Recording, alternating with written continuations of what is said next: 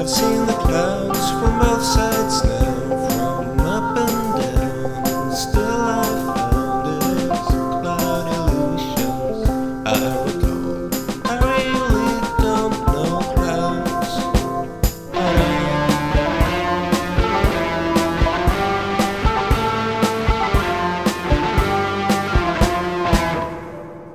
Hej och välkomna till Demonpodden. Podden där vi nu för tiden talar om filmer av kvinnliga filmskapare. Jag heter Kalle Färm och med mig som alltid har jag Björn Waller, Hej! Olof Ekström, Ja men hej. Aron Eriksson. Hallå. Vi är här ikväll för att tala om två filmer om det här med manligt och kvinnligt och eh, hur man kan se det på lite olika sätt och hur viktigt det är egentligen. Nämligen Sally Potters Orlando från 1992 och Celine Sciammas Tomboy från 2011. Celine Chiama som ju blev högst uppmärksammad häromåret med sin senaste film Porträtt av en kvinna i brand. Och ja, jag känner att vi nog börjar med Orlando, inte minst för att Björn har cyklat ut i naturen och satt sig med en öl och läst en bok även denna gång. Ja, eller jag, jag har läst om en bok noga räknat för jag har ju läst Orlando en gång för en massa år sedan men jag tänkte det var läge att läsa om den inför det här avsnittet. Och det var ett väldigt bra val, det ska fler göra. Det är en fantastisk roman. Okej, djupt rasistisk på några ställen men i övrigt en fantastisk roman. Blev du lite rädd för Virginia Woolf? Jag har alltid varit mer rädd för Elizabeth Taylor faktiskt. ja.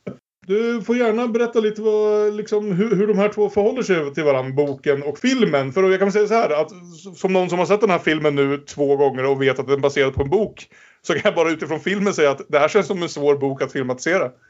Det är en väldigt svår bok att filmatisera. Jag kollade faktiskt upp en intervju eller ett panelsamtal som Sally Potter och eh, Tilda Swinton gjorde för några år sedan. Där de pratade just om att göra om den här filmen, eller den här boken till film. Och de sa det att det första som hände var liksom att eh, Sally Potter ringde upp Tilda Swinton och sa kan, kan vi ta en kaffe? Och när Tilda Swinton kommer till kaféet så ligger då boken på bordet mellan dem. Sen tog det dem fem år att jobba fram till att de faktiskt kunde börja filma den. Så de gjorde ju det tillsammans då och det var ju liksom alla hela vägen sa till dem antingen ja men den går väl inte att filma eller den har jag inte läst men en kostymfilm alltså ska ni bli Merchant Ivory nu? Ska säga 1992 det är ju innan liksom hela den här grejen med Jane Austen-filmerna och Kenneth Branagh och allt det här kommer igång på allvar. Så att göra en kostymfilm 1992 det var verkligen att bara liksom göra BBC-produktion med nostalgi. Inte för att snacka skit om Merchant Ivory egentligen men ändå. Så det var ju en väldig process tydligen att filmatisera den här boken och vi ska väl säga så att boken har ju, är ju en sån här modernistiskt superverk som har debatterats sedan den kom ut 1928. Eh, närmare bestämt då, den kom ut samma dag som sista kapitlet i boken utspelar sig. Den, jag tror det var 11 oktober 1928. Det har ju lagts in väldigt mycket i den här boken. Det, det alla är någorlunda överens om är väl att Orlando själv är lika delar självporträtt och porträtt av Virginia Woolfs flickvän Vita Sackville West. Mm. Men exakt vad som är vad och exakt vad allt ska betyda är inte helt lätt att bena ut. Inte så att det är en jättesvår roman på något vis. Men den är så full med små detaljer och är, har en berättarröst som är så sarkastisk och så ibland förvirrad över sin egen historia. Och liksom har en berättelse där en människa lever i 400 år utan att ens reflektera över att det inte är normalt att leva i 400 år och byta kön halvvägs. Hur lång är boken? Den är, ja, drygt 200 sidor. Men man kan, det är en tänka, rätt kort bok. man kan tänka sig att eh, det är eh, inte en filmatisering rakt av direkt. Jag har inte läst boken men, men boken är, och filmen skiljer sig en del åt. Det man får säga är väl att om boken är ett kärleksbrev till Vita Sackville West och det är inte nödvändigtvis jag som säger det, det är folk med, eh, som har läst på Virginia Woolfs hela liv som säger det. Eh, så följer ju inte naturligtvis därav att även filmen är det. Därför att Peter Sackville West har varit död ganska länge och Sally Potter har inget förhållande till henne. Så det filmen gör är väl att den tar ungefär samma handling. Den tar med nästan alla de stora handlingspunkterna i boken. Men den sätter sin egen spin på historien. Det är, det är, liksom, det är samma skelett men det är ny hud utanpå. Vid några punkter i filmen så kommer jag hoppa in och sä- säga vad som hände i boken här. Det låter som en jättebra idé. Eh, för den här filmen är så pass, vad ska man säga, episodisk och egentligen sparsam i sitt berättande. Också enormt visuell. Så det blir en sån rent visuell upplevelse för mig att jag ibland märker att jag nästan inte riktigt tänker på vad som faktiskt händer någonstans. Även om det är fascinerande när det kommer fram. Uppbyggnaden är ju nästan lite som en Monty Python-film om man ska vara helt ärlig. Att de hoppar, hoppar runt mellan olika, olika sketcher som löst eh, hänger ihop. Men Björn, du låter ändå klart bäst lämpad att kanske kort försöka sammanfatta historien om Orlando för den som inte har sett eller läst den. Det kan jag väl försöka göra. Oj. Orlando är en ung adelsman i 1500-talets England. En dag blir han inkallad att hjälpa till när drottning Elisabeth den första besöker hans fars slott. Och drottningen blir så förälskad i honom att hon säger åt honom att du får rätten till det här huset i all framtid bara du lovar att inte bli gammal. Så Orlando blir helt enkelt inte gammal. Det han däremot blir är att efter ungefär 150 års leverne så blir hon kvinna. Och som kvinna återvänder hon då till sitt herresäte i, på landet i England och lever via diverse äventyr hela vägen fram till 1990-talet där hon ger ut sin självbiografi. Mm. I stort sett så. Och som en, vad ska vi säga, episodisk historia om, eh, om liksom som, som bara följer den här väldigt helt unika skulle jag vilja säga karaktären genom alla de här tidsåldrarna är det ju också en film som liksom frångår klassisk dramatisk struktur. Det är ju ärligt talat inte mycket till handling bortom det här som i att det finns traditionella konflikter eller strukturer eller annat utan det känns ju väldigt mycket som en film som som, bara, som står ut från massorna även på så vis när man ser den nu.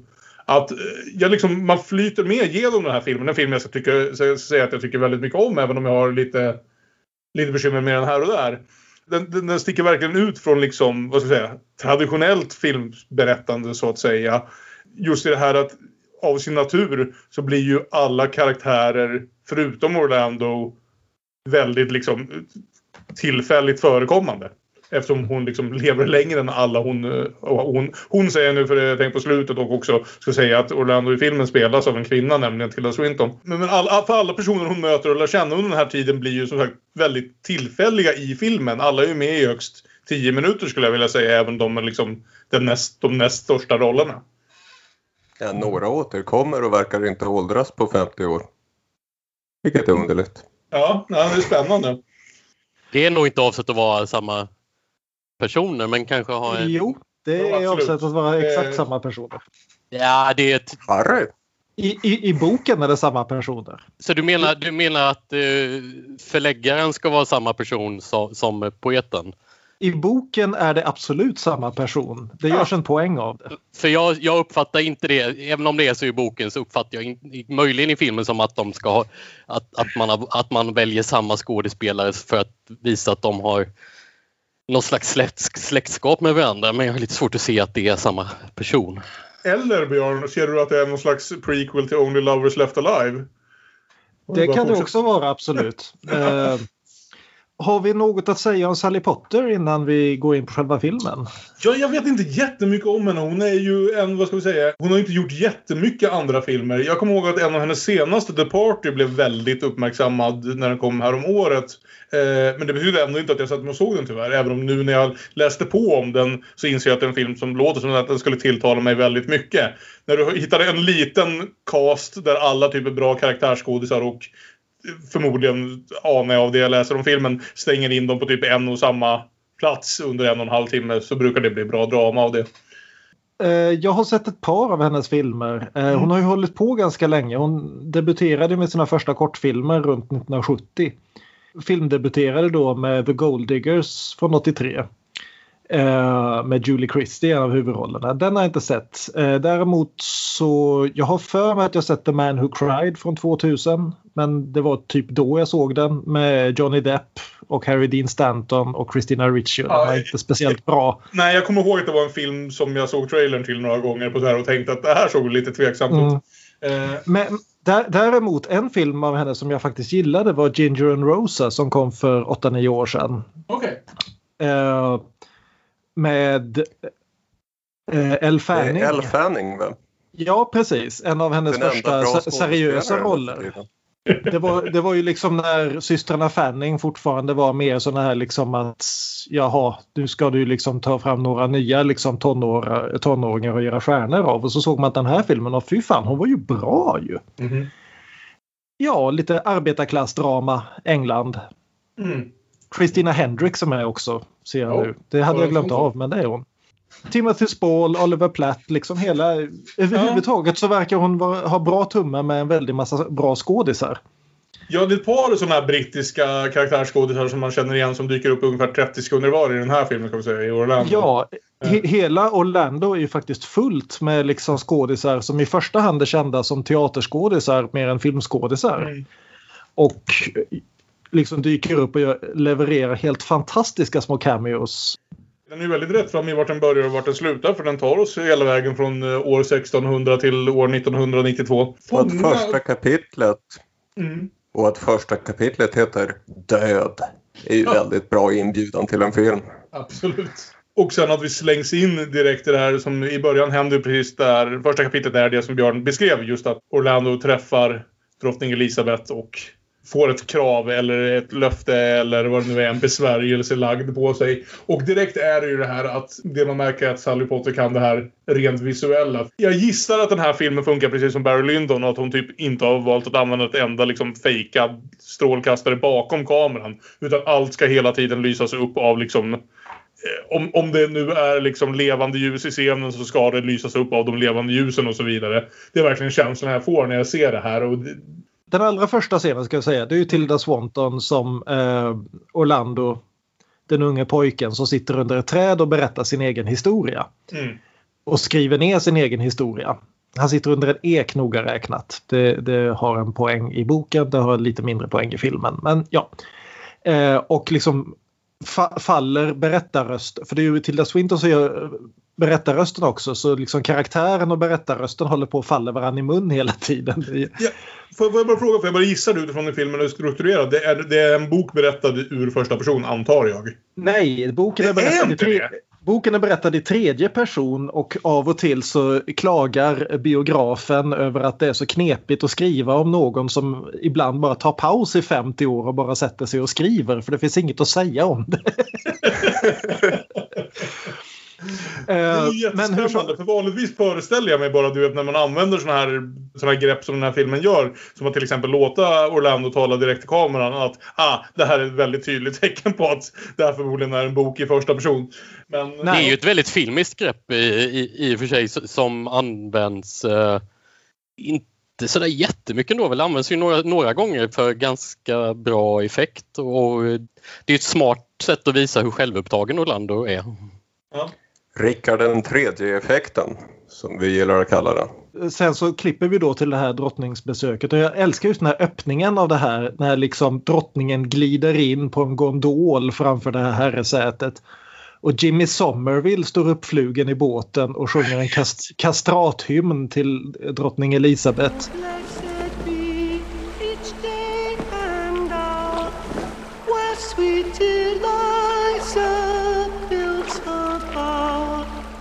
Saunders. Eliza! Det, det, är ju, det är ju Apocalypse Now det här ju. Ja, ja, precis. Det är ju Eh, drottning riktigt härlig Elisabeth ska- drottning det här. Ja, spe, spelad av Quentin Crisp.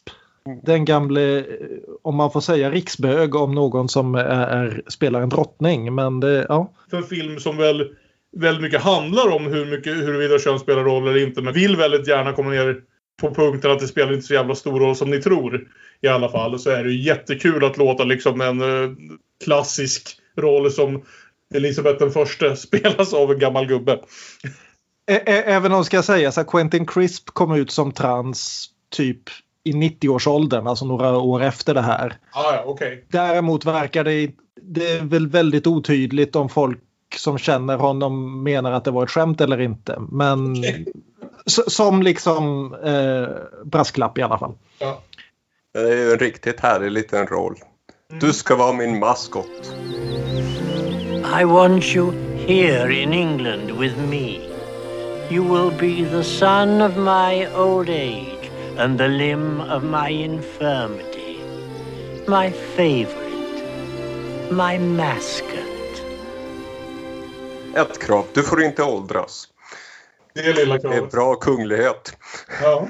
Och det får vi också undra om det är i boken. Alltså, för sen så hoppar vi vidare, snabbt vidare i filmen för att visa just det här att eh, det blir sanning och Orlando inte åldras. Men är det så att vad ska jag säga, förhållandet Orlando och Elisabeth emellan på något sätt utökas i, i boken? Boken lämnar det också lite... Den väljer att dra lite grann av en slöja över exakt vad som händer. Det ska säga, generellt sett så knullas det mycket mer i boken än vad det gör i filmen. Filmen är förvånansvärt sexlös faktiskt för att vara eh, i förhållande till boken. Det är ju det här Men- långa montaget i slutet av filmen i kapitlet som Ja. heter sex som jag har mycket Precis. att säga om när vi kommer dit. Ja, exakt. Eh, Men, men, eh, Fantastiskt. men ju- just vad som händer mellan Orlando och drottningen som ju är riktigt gammal vid det här läget.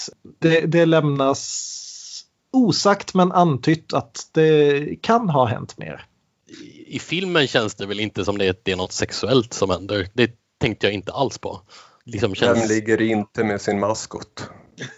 ja, jag bara tänkte inte att det kändes som någon slags sexuell invit utan att det var någonting annat mer någon slags maktspel sådär. Att, Jag tycker det finns en visst mått av det, men som Björn säger förmodligen väldigt nedtonat. Jag tror inte de ville fokusera för mycket på det. Kanske inte göra sig fiende med, med brittiska kritiker mer än vad de behöver. Och, och, och vi, sk- vi ska ju också lägga in att den här dikten Orlando eh, läser upp om jungfrudrottningen som sliter upp sitt bröst och visar sin byst för ja, det, Han verkar inte ointresserad om man säger. Den är inte Men- kysk. Nej. Men drottningen dör i alla fall och det gör Orlandos föräldrar också. Och så några minuter senare så har det gått tio år och vi finner Orlando inne i London tillsammans med kung James. Mm. Känd, känd för två saker. Att vara den som översätter låter översätta Bibeln till engelska och att vara den möjligen mest öppet homosexuella monarken i engelsk historia. Spännande. Så han, får- han får spela så här med örhängen och lite allt möjligt. Så det, ja. Och här börjar vi med, med den här andra biten av vad jag pratar om när jag pratar om att det är en visuellt enastående film. Nämligen att det finns två delar av det. Det ena är ju att, att filma scener som ändå kanske känns igen från andra scener som de här stora banketten och så, men på ett, på ett intressant sätt med de här. Men det andra är ju bara att hitta otroliga motiv, så- alltså bilder man nästan inte föreställt sig. Och kapitel två kommer ju direkt in på den här bilden av, av den här... Av, av liksom först när vi bara ser några gubbar som står och skrattar åt något. Och sen ser vi vad de står och skrattar åt. Och det de skrattar åt är liksom någon olycklig kvinna som har fallit ner under isen och frusit fast. Och liksom blivit bevarad under isen med en korg med äpplen. Och hela den, just den bilden där av liksom någon helt liksom bevarad under isen. Där. Alltså det är en fa- fantastisk bild och en jävla sorglig bild som sen direkt liksom bryts mot av att gubbarna bokstavligt talat står och hånskrattar åt det. De rika Ja. gubbarna och den här fattiga kvinnan som liksom har dött på det här jävla brutala viset. Jo, och det är ju en bild som Wolf också återkommer till i boken. Liksom just den, här, den här bilden stannar kvar hos Orlando. Att Ja. den här stackars fruktförsäljerskan som fryser fast i den här jätteköldknäppen. Så, alltså det här är ju delvis baserat på verkligheten. Så här kallt var det faktiskt i London i början på 1600-talet. Och det hölls faktiskt liksom stora fester ute på den frusna Themsen. Och folk frös naturligtvis ihjäl i drivor. Ja. Både bokstavligen och bildligen. Och just den här liksom personen som har frusit fast och inte kommer vidare. Ja, Nej, nej, men det är, ju, det är ju lite grann en bild av handlingen här också. Mm. Hela hovet festar i alla fall om här ute på isen och inklusive diverse tillresta dignitärer och där förälskar sig då Orlando huvudstupa fast han är förlovad med en adelsdam i eh, Sasha, en ung Mm. rysk adelsdam. Just det. Spelat av Charlotte Valentré.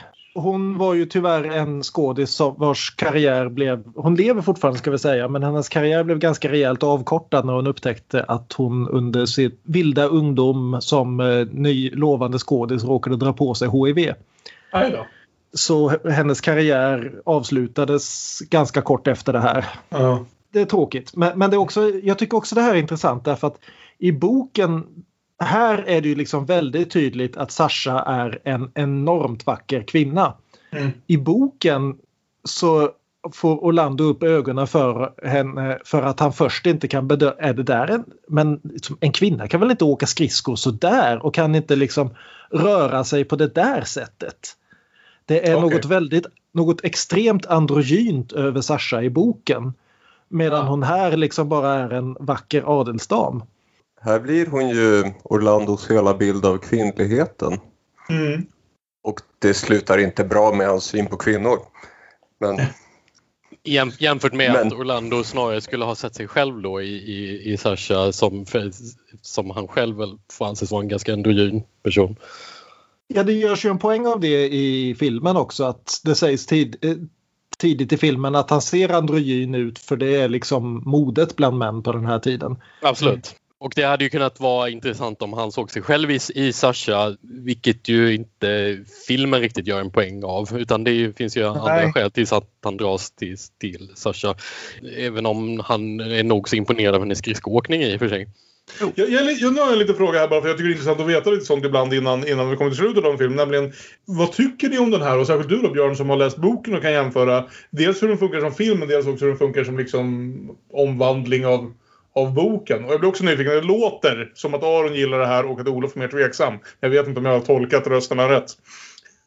Alltså jag älskar den här filmen. Jag har Ja. sett den flera gånger nu. Och jag älskar boken och jag älskar filmen. De är inte samma verk alls. Nej. Det, det blir som med favoritfilmer. Liksom. När man låter dem ligga i några år och så ser man om dem. Man hittar nya saker i dem. Och Mm. man hittar också saker som att okej, det där kanske inte funkade fullt så bra. Men jag tycker det är en väldigt egen och väldigt lyckad film. Mm. För vi skulle säga det också som kanske inte är helt tydligt av eh, hur vi har beskrivit det. Att det är en ganska rolig film. Alltså det är lättsam... Alltså det är inte, Ja. Jag tror inte man skulle klassa den som en komedi rätt ut. eh, rätt ut. Eh, men den är definitivt inte utan, utan sin humor. Och inte minst då i det här att de ganska sparsamt men än likväl låter Orlando ibland tala till kameran men ännu oftare göra riktiga sådana här vad vi nu för tiden skulle kalla John Krasinski-blickar mot kameran. För att poängtera, för att poängtera saker eh, som händer som är lite ironiskt uppenbara för, för eh, ja, Orlandos tillstånd eller för världen och hur den kommer utvecklas. Eh, Ja, men både så boken och nära- filmen är ju väldigt roliga av och till. ja. här när han börjar flörta med Sasha är ju rejäla komediscener. Förklarar att vi är engelsmän, vi, vi kan inte andra språk. Hur gör ni om de inte förstår? Vi säger det på engelska men högre. Det är ju bara ett klassiskt skämt. För din skull som, skulle vi jag dricka... såg, som vi såg verkligen användas i Mix Cutoff. Mm. För din skull skulle jag dricka vodka istället för whisky. Det är hur man uppvaktar en ryska. Men Olof, har jag rätt? Eller hur känner du kring den här? Hade du sett den förut? Nej, men jag är lite mer tveksam till den här. Jag tycker att det är en snygg och, eh, och ganska smart film. Och jag tycker att eh, Swinton är fantastisk i huvudrollen. Jag älskar att se henne i den här filmen. Jag tycker att det mest intressanta med den här filmen är den elisabetanska delen som tar slut kanske när ambassadörsdottern, när, när Sasha åker hem. Och den är perfekt och jag hänger inte riktigt med sen när filmen blir en tidsresa. Det Okej. känns som att det ska bli episkt och att det inte riktigt blir episkt. Kanske skulle filmen varit längre eller så skulle den varit kortare. Eh, det, det är någon jävla krigsscen som är helt onödig. Vi kommer dit, ja precis. Ja, men det är Eh. intressant. Jag, jag, jag, jag gillar bara det här, dels att det är bra att veta när vi går in i diskussionen lite vart vi står. Men också för att det är kul att veta hur väl jag tolkar era röster nu för tiden. Eh, nej, Nej, men jag är lite med Olof alltså. Okej. Jag, jag tycker också det, det tappar lite va. Alltså det finns det, det grejen är att jag, jag ska inte sitta och säga att jag, jag är helt ogillar den här filmen heller. För, för att det, det, det är ju mycket som är väldigt fascinerande med den här. Men jag tycker att, att det som kommer efter i det elisabetanska är mer... eh, Ja, men jag förstår, jag förstår vart du menar. Alltså, jag känner också en skillnad i filmen från den punkten. För mig är det inte nödvändigtvis en negativ vändning. Eh, Nej, det händer ju som grejer men när det ska bli den här eh, virvelrörelsen eller vad vi kallar tidsresan och det ska skruvas upp någon slags svindlande stämning. Eh, den tappar mig lite. En, en av sakerna jag tror, som jag inte gillar så mycket med den här filmen är att det känns som att den ska vara lite episk och jag tycker inte att den blir det. Det här med komedin som, som ni tog upp håller jag väl i och för sig med om. Den har ibland väldigt bra komisk timing som, som eh, räddar upp det en del. De spelar Otello mitt ute på isen och vi har liksom två minuter när Orlando bara stannar upp och står och tittar på Otello. Det är rätt fint. Och, och det är också en grej som kommer ifrån boken det här med liksom Most writers are writers. Det är, liksom, det är väldigt mycket filosoferande runt eh, litteratur. Och just Shakespeare som en av grundstenarna. Eh, det är också där den här Nick Green dyker upp om en liten stund och ska snacka om. Som alltid tycker att den bästa litteraturen var den som skrevs för 500 år sedan. Exakt. Mitt i allt det här så har han då den här stormande eh, kärleksförhållandet med Sasha.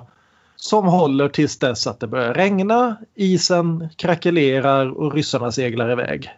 Den fina mid midnattsrandevun, hon dyker inte upp. Stackars Orlando. Så han bestämmer sig för att kvinnor är skit och går och lägger sig och sover i en vecka. Och här har vi ju den första riktigt lyckade komediscenen. Ja. Alltså.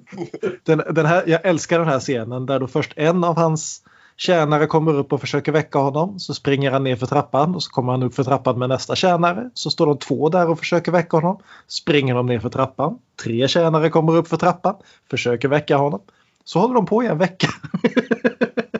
Ka- kanske är han död, men, men ifall han inte är död så vill vi ju inte liksom Nej. väcka honom för häftigt här så han blir sur på oss och kanske får vi sparken. Och det är ju något här som faktiskt indikerar, vad ska vi säga, någon slags struktur, inte bara något generellt magiskt i, i den här, vad det nu är, förbannelsen eller gåvan i att Orlando lever för alltid, utan att det krävs någon slags, ja, för Dr. Who-fansen, regenerationsprocess. Där han då och då lägger sig ner och sover i en vecka för att återfå, vad det nu är, sin ungdom. Vi kan ju nämna det att det här är ju väldigt mycket en historia om England också. Alla de här liksom incheckningarna i engelsk historia och de olika monarkerna som flashar förbi och alltihopa. Och det här väldigt brittiska klassamhället. Nu var ju liksom Virginia Woolf var inte direkt någon arbetarflicka så hon, hon är ju inte någon revolutionär, åtminstone inte politiskt. Men det, jag tycker det är, så det blir ju inte liksom det här att adels, adeln är ond. Men adeln har kanske inte så bra koll på allting vad som händer direkt. De, de lever lite grann i sin egen lilla värld. Och, och liksom just det här med de här tjänarna som står i långa rader för ett hus som är helt tomt på folk. Orlando har ju bestämt sig för att förkasta kärleken. Kvinnor är skit. Han ska ägna sig helt åt de sköna konsterna, nämligen poesin. Så han bjuder ju in då en av dåtidens stora poeter. Nu är det 1650 så vi har gjort ytterligare ett tidshopp här. Och han Det ska är bjuda in... Erik Haag. Det är historieätarna helt plötsligt. Precis. Men Kul att Aron, se Erik Aron, Haag sitta där. ja, jag älskar dig Aron. Det är väldigt likt Erik Haag så länge man inte ser själva ansiktet. Det är, jättelikt Erik Haag. Han äter till och med som Erik Haag. Och det här är då eh, Nick Green spelad av Heathcote Williams. Som är också en sån här skådis som dyker upp lite då och då när han hittar en film han känner att han vill. Han har jobbat mycket med Derek Jarman precis som Tilda Swinton gjorde innan den här filmen. Och utöver det har han också varit med i Friends och i Basic Instinct 2. Så och, och, jag älskar det- här liksom just den här poeten. Det, det är någon som går igenom i alla tidsåldrar. Så, som liksom å ena sidan vill fjäska för dem som har pengar och å andra sidan vill förklara exakt hur mycket han föraktar alla människor som har pengar. Och han, han är så hungrig så att tjänaren får stå där och hålla i soppkarotten medan han liksom bara öser och öser och öser för han har uppenbarligen inte ätit på flera dagar. Och sitter där och pratar om hur en, en sån som ni min herre kan inte förstå poetens lidande att inte ha mat för dagen och har ni någon mera mat? Ja, och hur han, hur han spelar otroligt på hur himla förnärmad han blir så fort eh, som Orlando försöker styra över diskussionen på, på eh, sig själv och balansera på gränsen till att eh, förolämpa honom. People who haven't labored in this way don't understand. The real poetry is neither easy nor, nor easily produced. I feel like that I can understand a little, Mr. Green, because I have myself been so rash as to attempt to write some verse. Did I hear a mouse squeak? Ni vet ingenting om konstnären. Jag kanske vet lite för jag ni vet, jag, jag betalar. Oh, jätteroligt.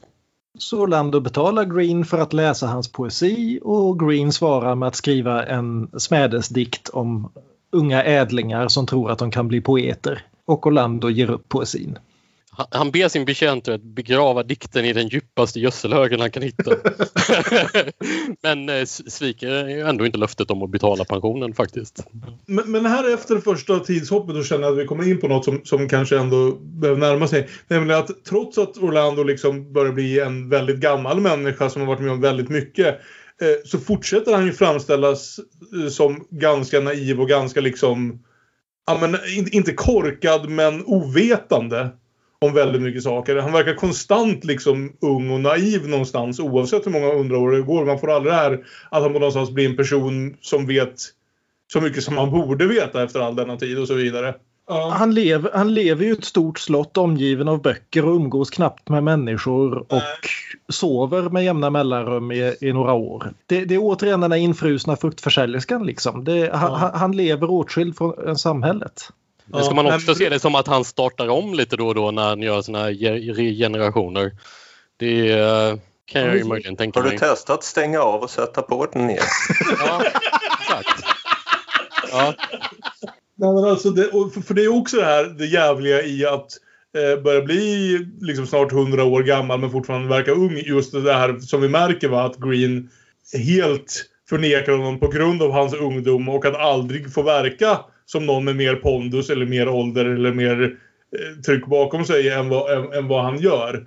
För han liksom fortsätter förnekas århundrade eller efter århundrade på grund av att sin liksom påstådda ungdom.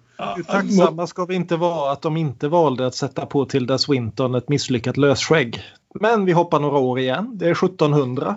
Kung. Karl den andre Eller- har skickat eh, Orlando som ambassadör till Konstantinopel minsann.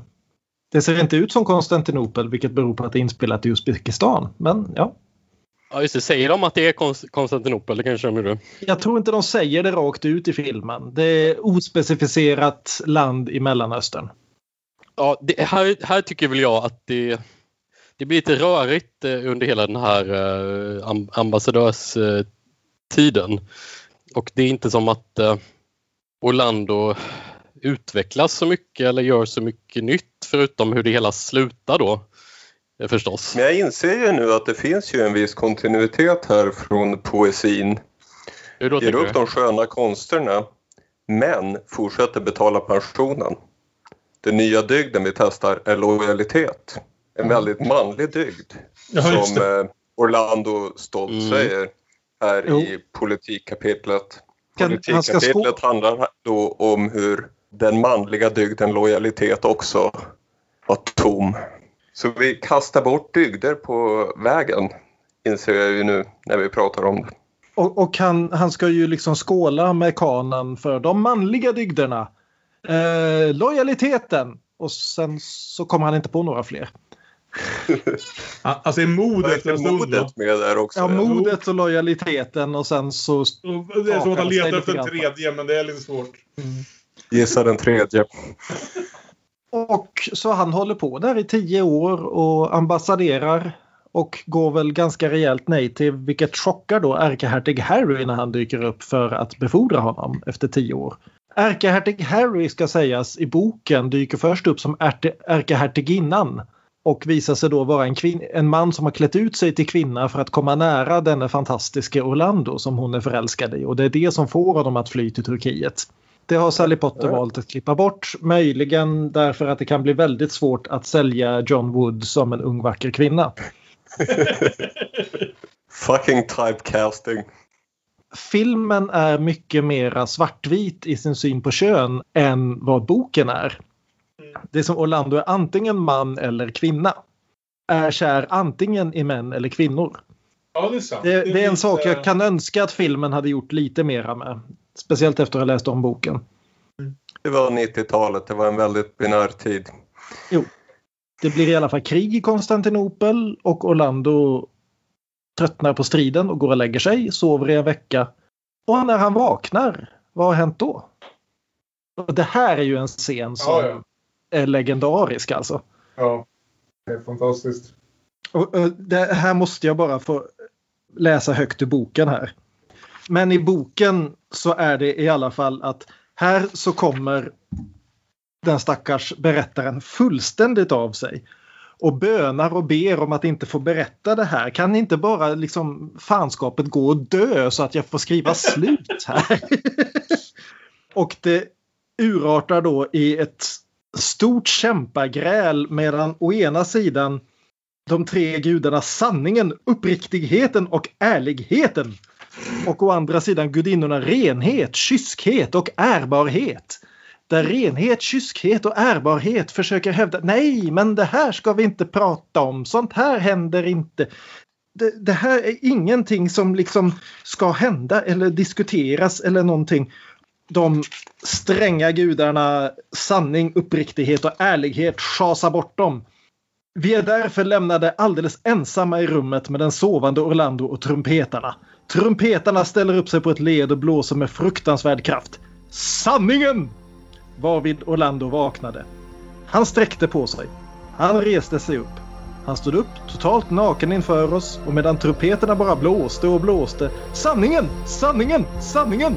Har vi inget annat val än att bekänna han var en kvinna. Same person. No difference at all.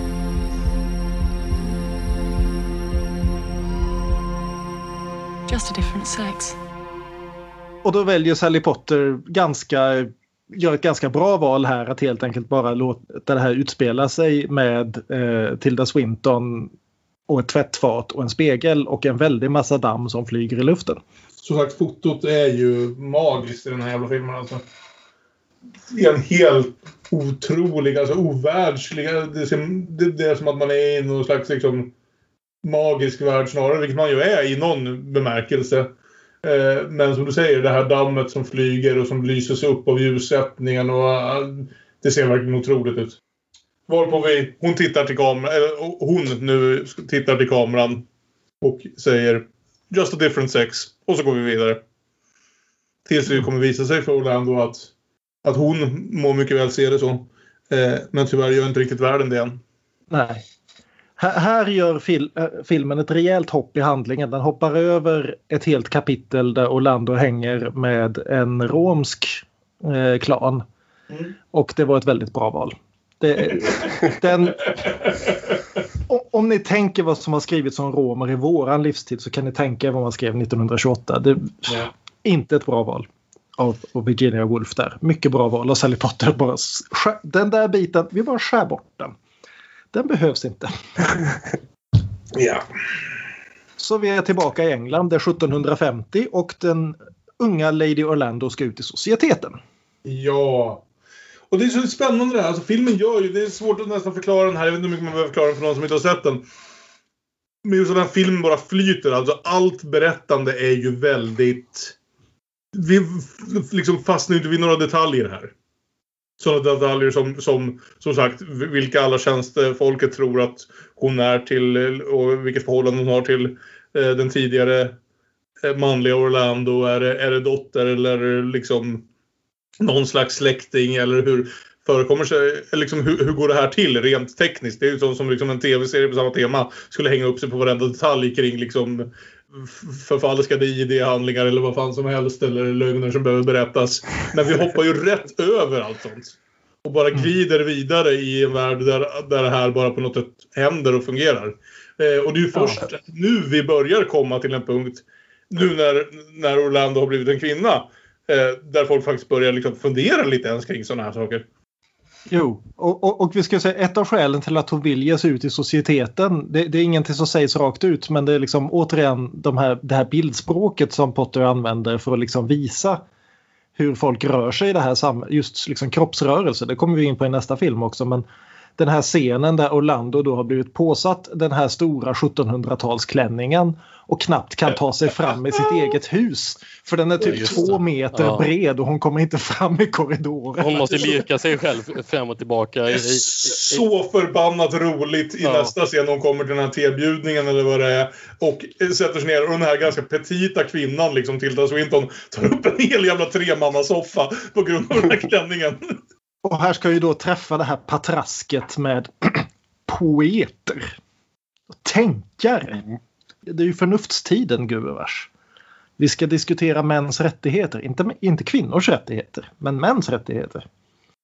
Och jag älskar flera av skådisarna som dyker upp. Catherine Hunter som den här grevinnan de är hemma hos. Eh, Peter Eyre som Alexander Pope som är... Ja, Så jävla avskyvärt rolig. alltså, i den här rollen.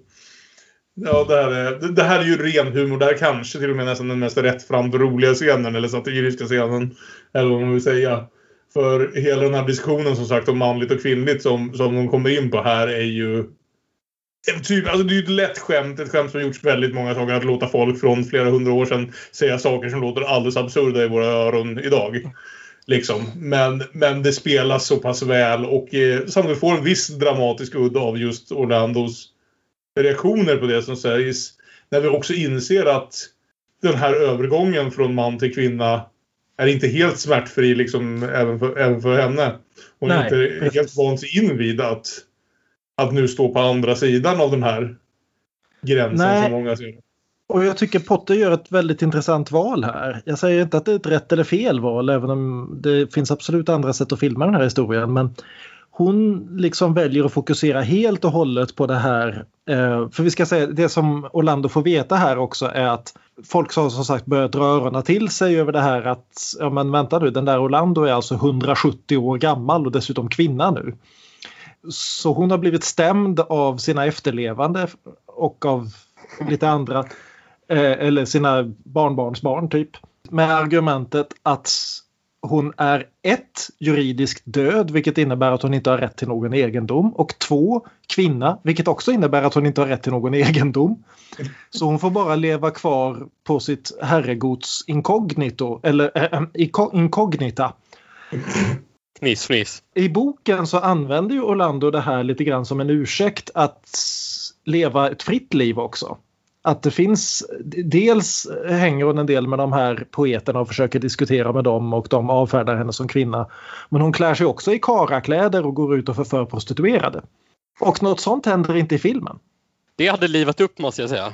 Ja, det hade behövts lite svung här. Ja, Nu börjar det bli lite... Det flyter lite väl lätt för mig. ja, det kanske var lite synd att klippa bort det. Även om jag ska säga att vi Att uppmuntrar inte folk till att klä ut, klä ut sig i, i manskläder och, och gå ut och, och ragga prostituerade. Det gör vi verkligen inte.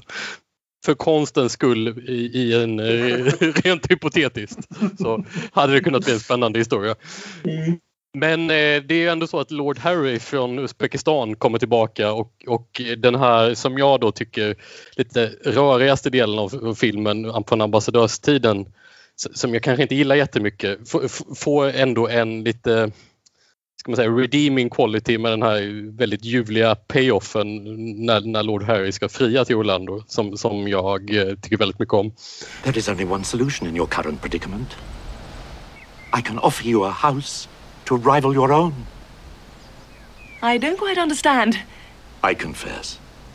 Orlando, to me, you were and always will be, whether male or female, the pink, the pearl, and the perfection of your sex. han inser Harry vilken, vilken jobbig situation som Orlando har, har hamnat i och hon kommer inte klara sig ur det här utan hans hjälp och nu kan han minsann äntligen få Orlando genom att han sveper in och räddar henne genom att gifta sig med henne och gör det på värsta tänkbara nedlåtande sätt. Han är till och med han, han, han, han säger the, the quiet part out loud. Ja. Att, att, att han, han är beredd att tolerera hennes eh, tvetydiga sexualitet. Ja, nu kommer ingen annan. Jag finns här för dig. Även, även en replik som jag önskar jag hade använt under mitt frieri. I am England, and you are mine. Orlando är inte helt förtjust i den här tanken så hon kutar i den här stora 1700-talsdräkten in i en trädgårdslabyrint. Och det här är så jävla bra. tänk det här är ju... Vet du, Olof, du sa ju för ett tag sedan där att du liksom saknar lite den här, vad ska vi säga, riktiga episkheten i det här. Här känner jag när musiken börjar eh, swirla runt och de verkligen gör...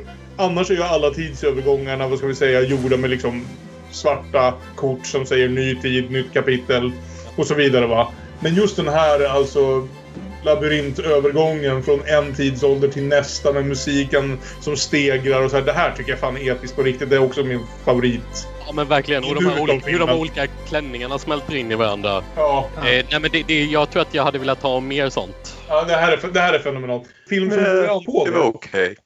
Nej, det var skitbra att liksom vilken inspiration från det här som, som sen, vad heter det, Stephen Daldrys The Hours tar. Också en Virginia Woolf filmatisering på sätt och vis. Som utspelar sig i flera tidsåldrar och som försöker hoppa fram och tillbaka just genom att göra det här att framförallt låta musiken vara så extremt drivande och göra att de här övergångarna mellan tidsåldrarna nästan ska bli osynliga liksom. Genom att bara glida vidare från en tidsålder in i nästa. Det är en film som jag är väldigt förtjust i.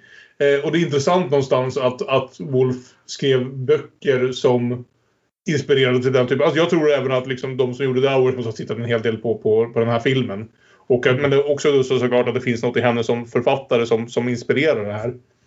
Eh, men det är också så roligt i det här att eh, för mig i alla fall, att den absolut mest dramatiska stunden, den stunden när jag verkligen känner att hjärtat nästan lyfter lite grann på grund av den här musiken stegrar sig och tidsåldern helt plötsligt glider in i varandra. Sen leder det fram till den absolut roligaste sekunden i hela filmen för mig. Vilket är när kapitlet heter Sex. Och vi klipper till en bild på Billy Zane med sin jävla hårman som rider in och ramlar av hästen. Sex till den bokstavliga taliga liksom, tolkningen av sex 1992. Billy Zane med ordentligt jävla hår. Hon har alltså då kuta, kutat i 1700-talsklänningen in i, i eh, den här labyrinten. Dimman faller, hon kommer ut mitt i viktorianska England 1850. En mycket, min, mycket smalare klänning ska sägas. Ja. Mycket praktiskare klänning. Och där dyker då Billy Zane upp och ser... Ja, man, man förstår att eh, en av hennes första re- reaktioner är liksom att be, det är liksom, de förlovar sig inom tio sekunder. You're hurt, ma'am? I'm dead, sir. Dead. That's serious. Can I help? Will you marry me? Ma'am, I would gladly. Um, I but I fear my ankle is twisted. Och jag måste säga det här, alltså, han har sina upp och ner. Jag kan inte låta bli att gilla Billy Zane. Fantomen för fan. Ja, men jag, jag tycker han är fantastisk här. Jag med. Och- och- Vem och- älskar jag- inte Billy Zane? Och jag tycker framförallt att när vi då kommer in på den här kär, lång, utdragna kärleksscenen här så är det ju liksom att i boken görs det ju en poäng av att han är eventuellt en tidsresare precis som Orlando. Det dyker ju upp ett par andra tidsresare. Den här Ja, förläggaren Harry till verkar ha exempel. en tidsresa ska vi säga. Ja. Vi inte kommit fram till men det har ju gått Men, fem, men, 50 det, år sedan de träffades och han verkar vara samma ålder. men det antyds också då att den här Billy Zane-karaktären vars fullständiga namn då är Marmaduke Bomthrop Shelmerdine Esquire. eh, att att han började sitt liv eh, som en kvinna. Och just med Billy Zane kan man nästan tänka sig det för Ja. han ser rätt feminin ut här. Men du, då kommer ju han... Då är det här inte bara liksom... Eh, eh, innan Only Lovers Left Alive utan kommer ju även gå vidare in i Twin Peaks. För det är ju han uppenbarligen som dyker upp och raggar upp Audrey Horn eh, 1991 sen. Det här är en föregångare till en hel... Vi kan skapa ett helt liksom, ja, MCU runt Orlando. Med vart de här dyker upp, de, alla de odödliga karaktärerna. Det, det, det måste ju finnas en crossover med Highlander någonstans. Ja, definitivt. Ja, alltså Fantomen är ju också en slags tidsresenär som lever eh, för alltid. Fan Ja. sant! Så att det, det, det, det är ju logiskt att Billy Zane är Fantomen. Det är det ju. Ovandrande vålnad kliar inte sviden när du knegar i djungeln hela tiden. Gör som guran och skaffa dig en kjol, det är bättre under Englands regniga skyar. Ja, någonting. Vi såg honom aldrig hoppa från ett fönster i Titanic i börskraschen. Det är sant. Nej, men det, det kan ju vara därför de har lite bråttom att förlova sig för att Billy Zane ska med i Titanics jungfruresan. Precis. Och, och, och vi vet ju vad som händer.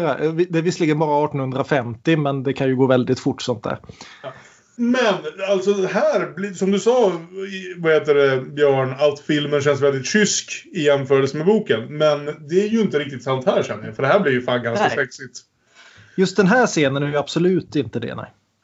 Utan det här blir ju en ganska, som sagt, lång och ingående bara liksom, ja men kärleksscen som, som jag uppskattar men som också blir väldigt viktig för att eh, Orlando, vi har ju sett Orlando i alla fall tro sig vara kär förut men då mer eller mindre olyckligt med Sasha och så vidare.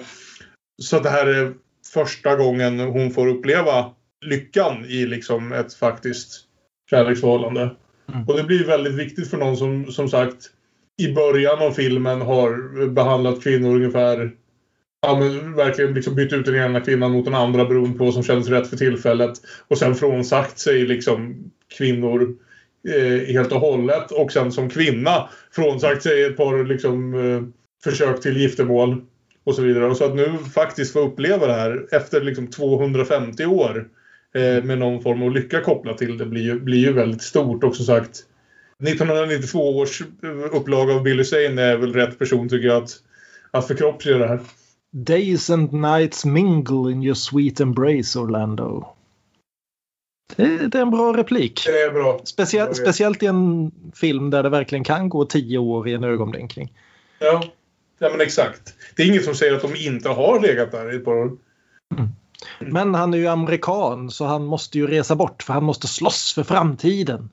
Och hon försöker hävda att ja men kan inte framtiden börja idag då? Jag gillar det lilla vi får av det här, men det är lite för kortfattat för att faktiskt bli en poäng för Ja, filmen känner det- jag. det håller jag Hela med den här grejen om liksom de rent ideologiska Skillnaden mellan, mellan eh, ja, Billy Zane kommer jag bara säga nu, och Orlando här. Att, för såklart, för en tidsresa är det ingen mening att slåss för liksom, framtiden, höll jag på att säga. Eh, vilket konstigt, kanske borde vara mer mening i att slåss för framtiden för att du faktiskt kommer vara där att uppleva den. Men Orlando står ju konstant vid sidan av samhällsutvecklingen känns som. De verkar inte på, påverka varken eh, henne eller honom. Liksom. Hon glider igenom det här till synes liksom oberörd av... Men, Men också utan att beröra den. Hon, Ja, hon, är fast, hon är fastfrusen i isen. Hon kan varken påverka eller påverkas.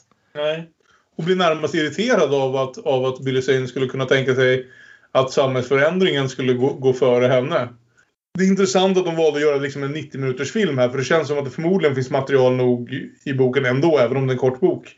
Eh, för att kunna utveckla vissa av de här bitarna ändå. Eh, Absolut. Det, och det jag här blir- borde jag- vara en jag HBO-miniserie. Ja men exakt. Och jag blir förvånad över att när Billy Zane-biten börjar som ändå någonstans känns lite för mig som hjärtat i filmen, alltså där vi ändå kommer fram till knutpunkten någonstans. Så är filmen nästan slut. Jag tror att Billy Zane kommer in och det är 14 minuter kvar av filmen eller någonting. Så, så, så jo, det, det, det är en del här som jag tycker är väldigt bra, väldigt intressant men, men lite för kortfattat. Det här är faktiskt en av det fåtalet filmer. Jag tror, kommer inte ihåg vilken film vi pratar om men vid något tillfälle, jag tror det var under Bergman-tiden, pratade vi om att om, om man hårdklipper filmer för mycket kan de på något sätt nästan kännas långsammare bara därför att vissa scener känns meningslösa som att de inte får det tryck de borde ha. Och i, jag kan känna lite så med de här scenerna som har gått innan de här, de som Olof också haft lite problem med. att Problemet kanske inte är att de är där utan problemet är att de inte får den vikt de skulle ha behövt ha. Att, Det kan, ja, det kan mycket väl vara det jag hänger upp mig på faktiskt. Att, att, det, det, att den här filmen mycket väl, väl kunde varit längre. Att vissa scener borde ha fläskats ut mer. Att, det är ju att, inte som att det inte finns material eller sådär här nog för liksom en två timmars film, känner jag. Nej, men det håller jag med om. Den kunde absolut ha fått vara 20 minuter till här med lite mer. Ett, ett av problemen är ju att här tar ju källmaterialet slut ganska snart eftersom boken är från 1928 och slutar 1928. Och Sally Mm. Potter bestämmer sig för att ska man översätta Orlando till film så måste den ju tas hela vägen fram till nutiden nu. Vilket jag tycker är rätt val. Så, Eh, ja, absolut. Men det, det, det finns liksom inget att berätta om Orlandos 1900-tal. Det är liksom I boken så viftas första världskriget bort lite grann. Så här får vi ju en kort scen då där ganska sömlöst från det att han reser bort så börjar regnet falla. Mm. Och Orlando får vända sig om och springer höggravid genom ett 1900-tal som mest består av bomber som exploderar runt omkring henne. Tills hon då sitter i det här förlagsrummet mittemot Nick Green igen. Och han är väldigt imponerad av hennes självbiografi förutsatt att den skrivs om och får ett lyckligt slut. Och det här måste vi då fråga oss hur, hur denna tidsresande är, men denna odödliga person, som sagt, hur hennes graviditet fungerar. Hon verkar ha varit gravid i vadå, 75 år minst. Och sen eh, haft en unge som också stannat i tiden. Du förutsätter alltså att, att Billy Zane är eh, upphovsman till, till, till barnet? utifrån det vi ser i filmen gör jag absolut det. Jo, ja det är klart. Det, det, vi ser ju ingenting. Vi ser ju ingen annan kandidat, det gör vi ju inte. Men, Nej. men eh, ja. Alternativet är väl att hon har lämnat liksom, eh, ett antal barn efter ett antal olika liksom, kärleksaffärer här och där. Men så som filmen berättar det här så ser jag ju ingen annan tolkning att dra riktigt. Nej. Nej, nej, det är i och för sig. Det, det skulle ju vara logiskt på något sätt om hon... Hon, hon pratar ju också mycket om att hon vill ha barn med honom. Mm. Så att det skulle ju vara logiskt. Att, och att hon då har någon slags... Antingen att barnet har stannat i växeln eller att hon har någon spännande fördröjningsmekanism Ja. eh, i barntillverkningen. Är, är hon höggravid 1942 liksom så antar jag att ja, det har inte gått 90 år i den där sängen ändå. Men det är ju väldigt... Alltså, Det är ju fortfarande verkligen- 1800-tal när han reser bort. Ja, Liksom. vad, vad händer i boken då? Där det är bara vad ska jag säga, 75 år mellan... Boken går mot slutet här över i ganska rejäl stream of consciousness och det är lite Ja. svårt att utröna exakt vad som händer. Möjlig, troligtvis föder Orlando en son vid ett tillfälle. Men även, även det kan vara metaforiskt. Du, du får återigen boken att låta svår, det är den inte, men Virginia Woolf har ett fantastiskt sätt att börja fundera över vad tid är och så liksom plötsligt så har det gått 50 år. Så hon tar ganska rejäla skutt hon också. ja, som sagt boken är bara två, drygt 200 sidor så det, det är inte så, det, det, den är väldigt episodisk den också. Men se, filmens sista scener. Orlando och hennes eh, dotter åker ut till huset som eh, hon brukade äga men gissningsvis fick fråntaget på, av sig eh, på 1700 och 1800-talet. Eh, som nu så såklart är någon slags museum där man kan ta såna här liksom, turistpromenader igenom och se på målningarna och se alla, all den vackra arkitekturen. Och eh, hon ser en målning av sig själv. Och sitter sen ute på ängen där filmen började under samma ek. Medan Mm. dottern springer omkring med en videokamera.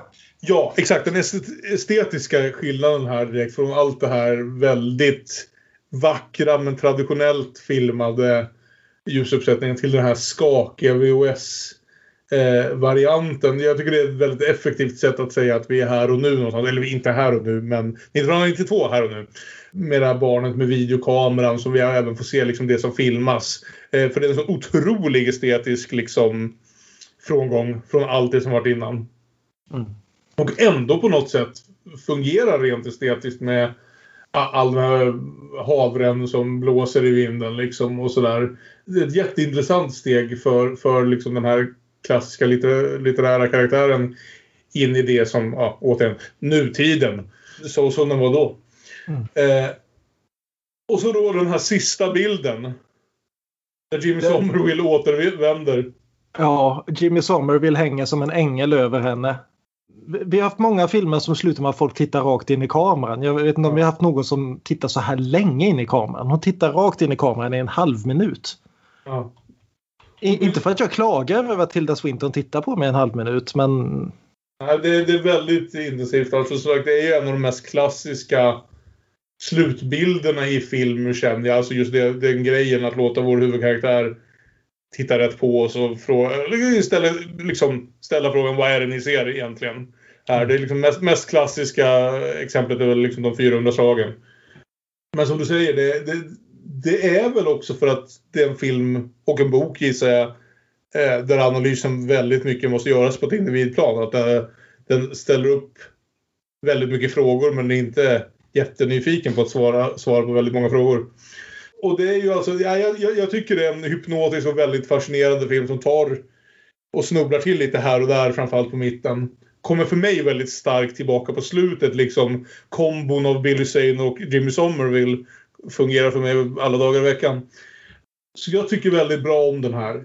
Jag tycker inte den är perfekt någonstans, men jag tror det är en väldigt svår bok av vad det låter som att, att på något sätt göra en, en riktigt fungerande filmatisering av. Så jag är väldigt glad att den här finns och liksom ger oss någon del av det. Och framförallt tycker jag ju att det här är det är liksom en film som upplevs. Det är intressant att nu har talat så mycket om vad, ska vi säga, vad som händer i den. För som sagt, när jag faktiskt sitter och tittar på den upplever jag den mycket mer som nästan ett konstverk av liksom rent, det rent visuella och även eh, ljudmässigt. För både ljudmixen och musiken när den är där eh, är väldigt bra.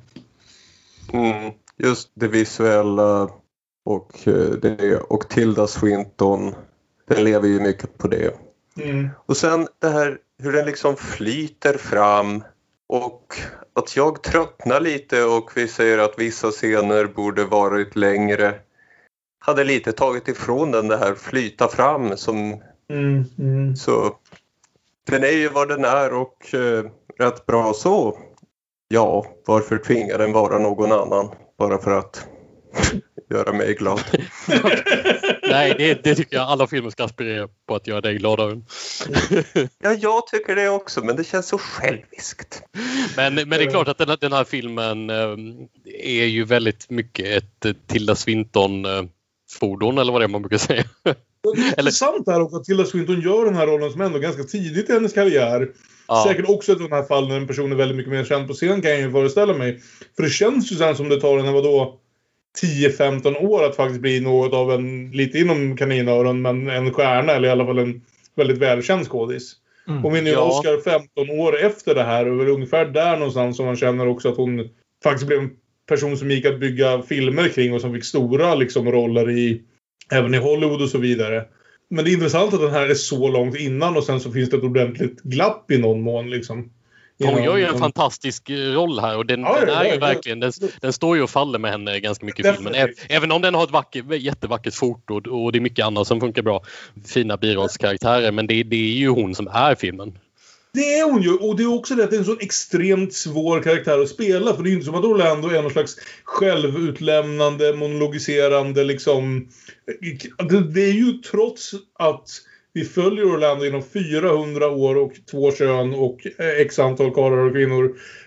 Det är inte riktigt ett karaktärsporträtt känner jag. Det är inte riktigt det den är Nej. ute efter. Inte i en traditionell bemärkelse. sant. det är inga stora monologer om vem är jag, vem tycker jag. Utan Orlando är väldigt mycket liksom någon slags blank yta för oss att, att, att, att lägga in om det är oss själva eller det vi vill se i de här förändringarna på.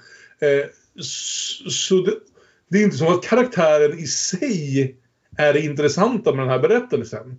Som sagt, det finns en annan variant av det här där det blir väldigt mycket om hans och hennes upplevelser av allt det här. Men det är inte som att Orlando accepterar ju bara. Det finns ju ingen scen i den här filmen eh, där han chockas över insikten att han är, kommer leva för evigt. Eller bokstavligen eh, talat liksom reaktionen på att byta kön är att titta mot kameran och säga just another sex. Eh, så det är ju inte en, Nej, en karaktär med någon som helst liksom verklighetskoppling. För det, skulle, det är ju inte en verklig reaktion.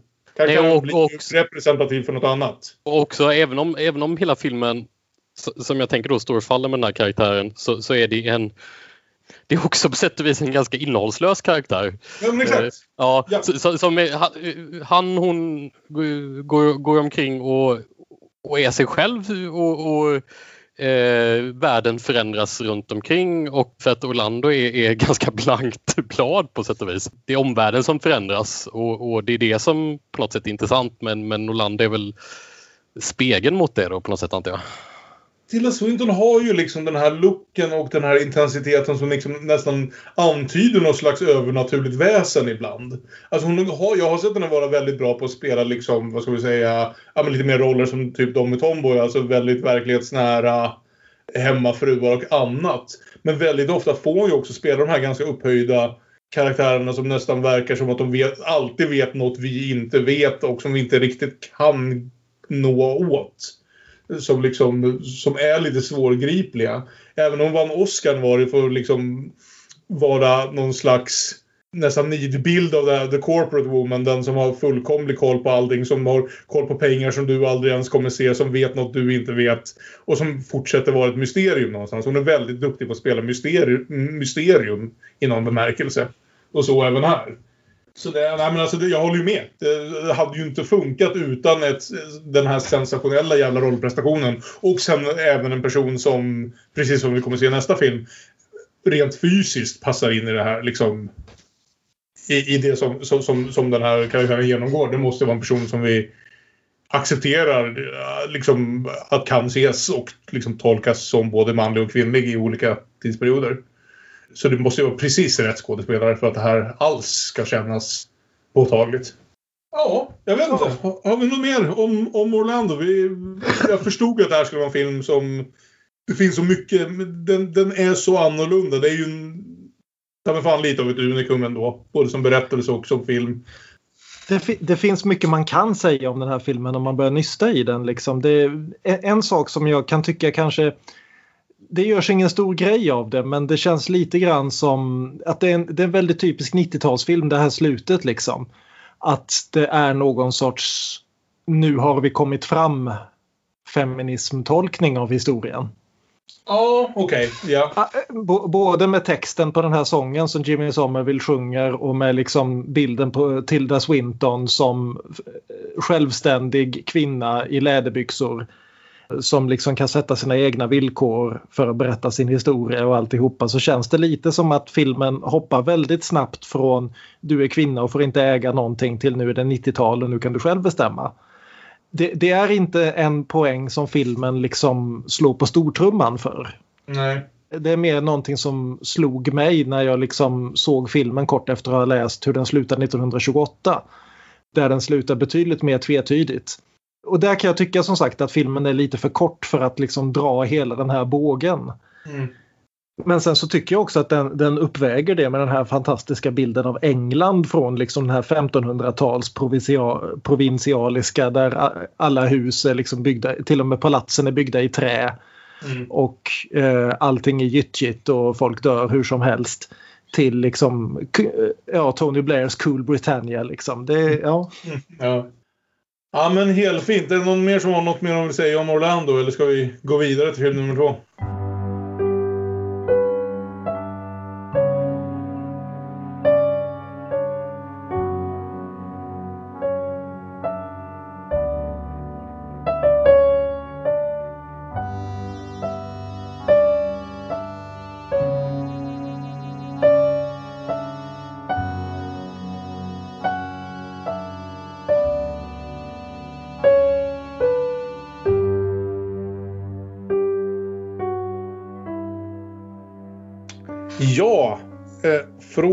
Då hoppar vi fram i tiden ungefär 20 år till 2011 och Celine Chiamas Tomboy. Celine Chiama som ju blev, jag höll, jag höll på att säga folkvald men det var fel ord, eh, höjd till skyarna med Porträtt av en kvinna i brand eh, häromåret. Eh, filmen som ju blev en internationell succé, jag tror såväl liksom finansiellt som definitivt kritikermässigt. En film som jag personligen tänker så här att det förmodligen hade varit min favoritfilm eh, från, från vilket år den kom ut om det inte hade varit samma år som Parasit. Eh, och eh, det gjorde en ju också intresserad eh, av att se vad hon hade gjort innan dess. För det visade sig ju inte vara någon slags sån här storslagen debut utan faktiskt hennes fjärde film. Mm. Så nu backar vi bandet lite därifrån till hennes andra film, Tomboy från 2011. Som ju, får man väl säga, i jämförelse med Orlando i alla fall är en betydligt mer rättfram historia. Nämligen liksom nästan, nästan löjligt rättfram, bokstavligt talat. Några dagar i livet hos en ung flicka. Eh, som inte Eller pojke. Ja, exakt. Som inte är sådär värst sugen på att vara en ung flicka utan kanske faktiskt har tankar på att det vore mycket bättre att vara en ung pojke. Och det kan man tolka på ett par olika sätt och det kommer vi säkert också att komma in på. Men eh, ja, det känns som en film som borde gå ganska snabbt att sammanfatta. Men vem känner sig lämpad att göra det? Olof, är det din tur? Eh, ja, men visst. En familj flyttar in i ett nytt kvarter.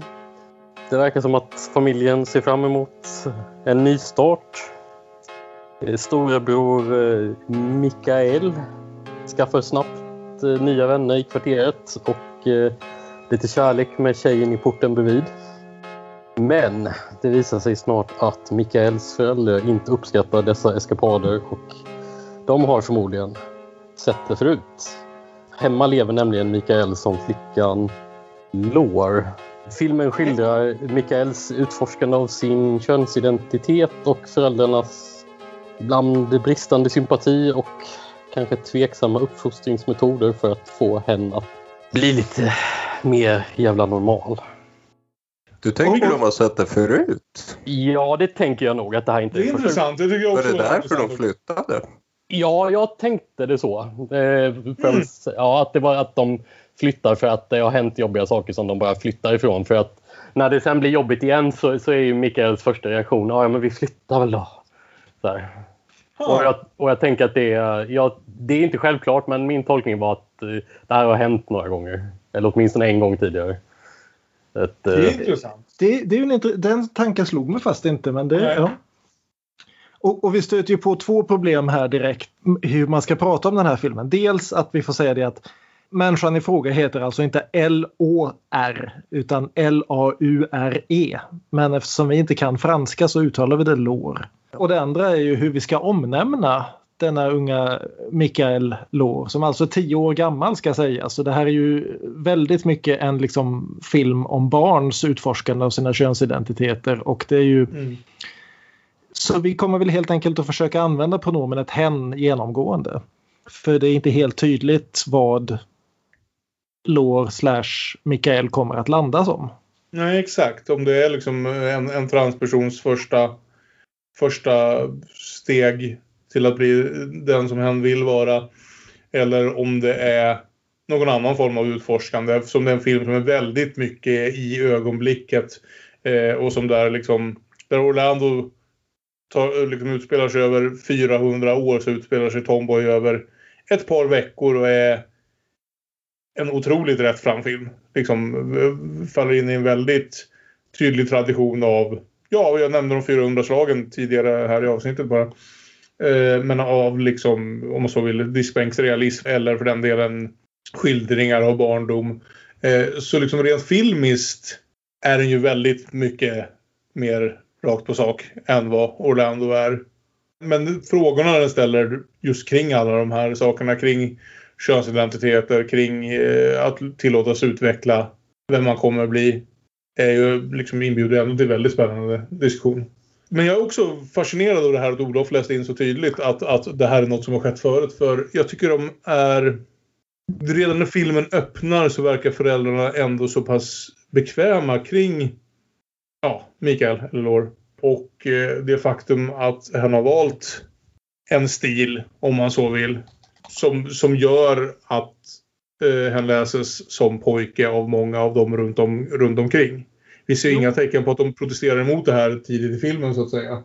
Ja, eh, alltså jag okej. håller inte helt med därför att vi märker ju att han har väldigt olika förhållande till mamma och pappa. Väldigt Mm. mycket liksom tomboy, liksom pappas flicka, pappas pojke. Har ett helt mycket mer otvunget förhållande till sin pappa än medan mamman har en tendens att fälla repliker som Men där är ni ju mina två flickor. Mm. När Lår och lilla syster kommer in i rummet. Det är liksom mamman trycker på de här könsrollerna mycket mer. Mm. Det kan ju mycket väl, väl vara att hon ser liksom vart det här är på väg och inte är helt bekväm med det. Du är tio år gammal nu. Det är dags att börja Ja, använda läppstift. ja. Ja, precis. Alltså, Det är ju en, en ålder också. Mm. Så att det finns ett förflutet. Vem har ett förflutet när man är tio?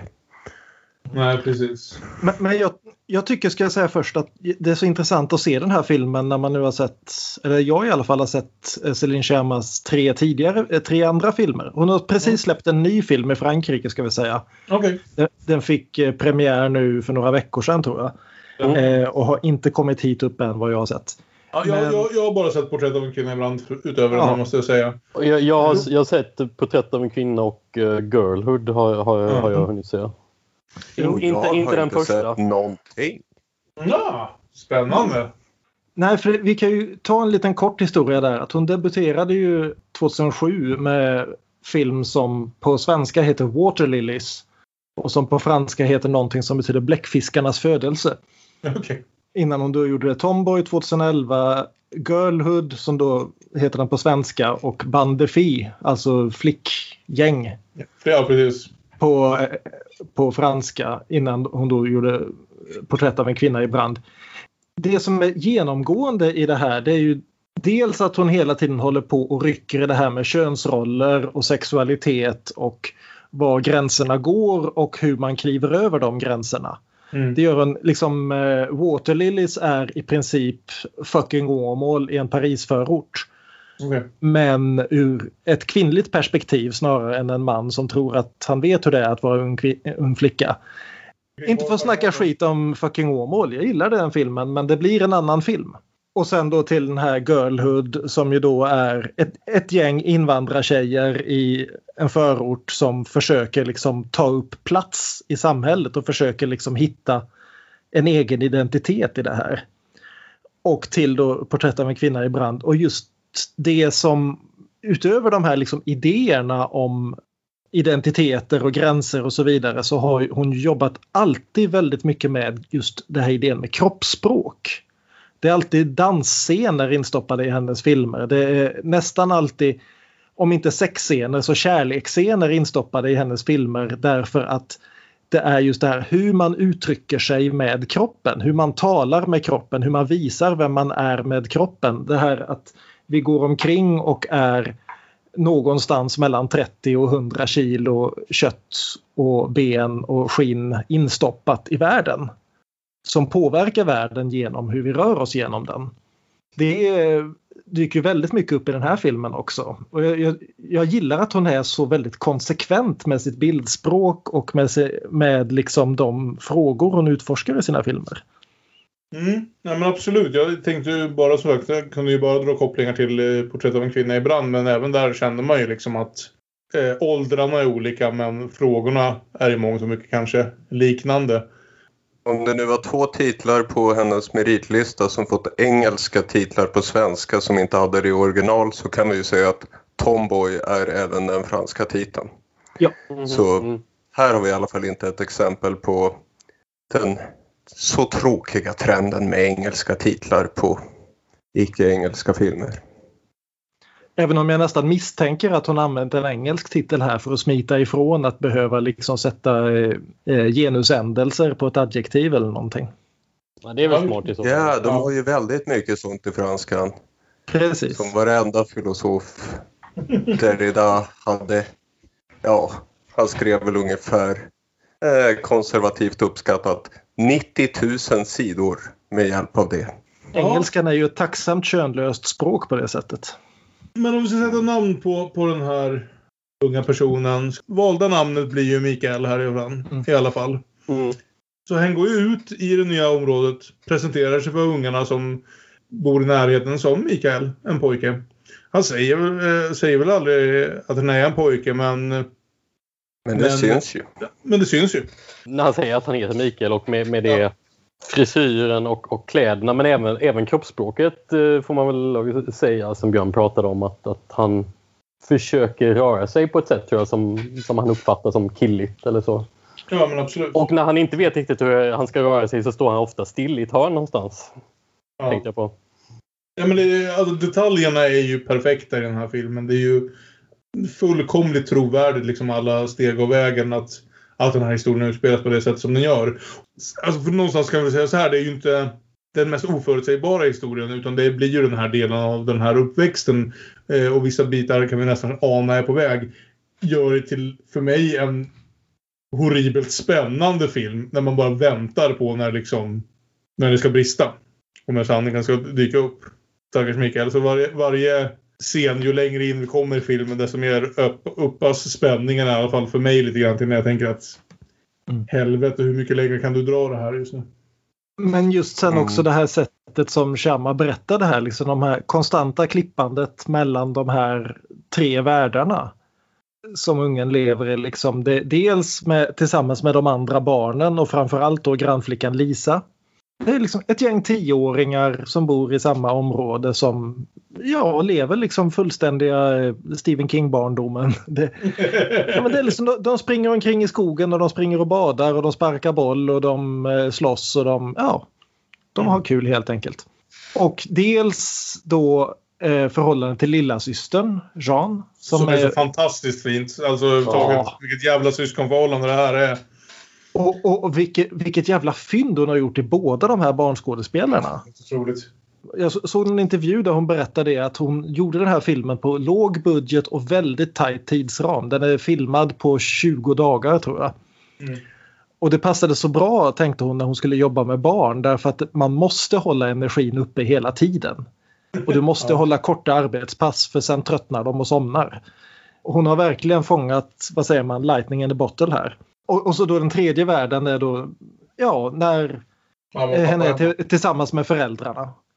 mamman och pappan i, i förhållande till Mikael i alla fall verkar ha lite egna världar eller lite, väldigt olika rel- relation, relationer med Mikael.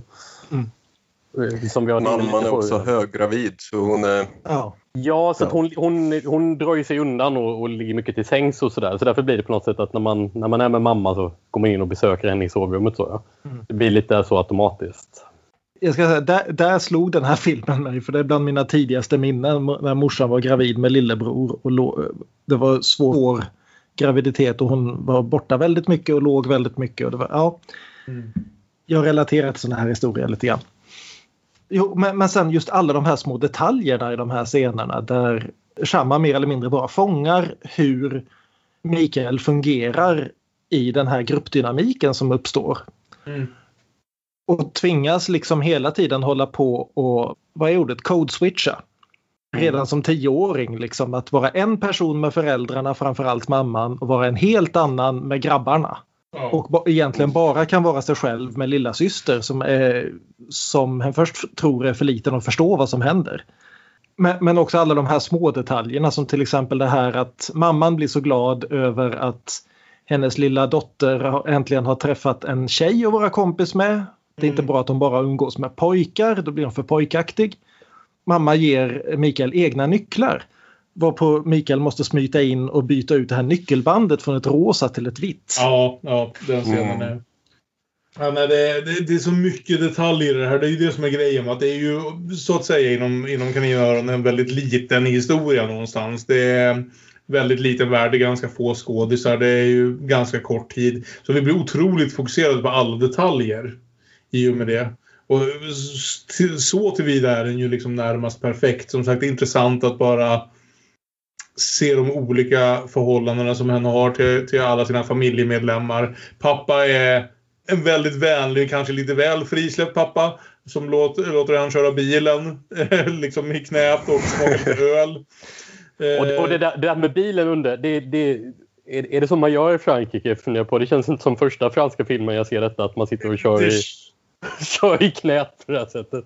Nej, Kalle pratade ju om det här om veckan, alla de här filmerna med, med barnet som sitter fel i bilen. Ja, Och, och det här är ju en ganska ny film. Det, det, det Ja, Exakt. så- Mycket, mycket, mycket sånt är från 60, 70, 80-tal. Där Ja. de liksom mer eller mindre lät barnet ramla runt i bakluckan.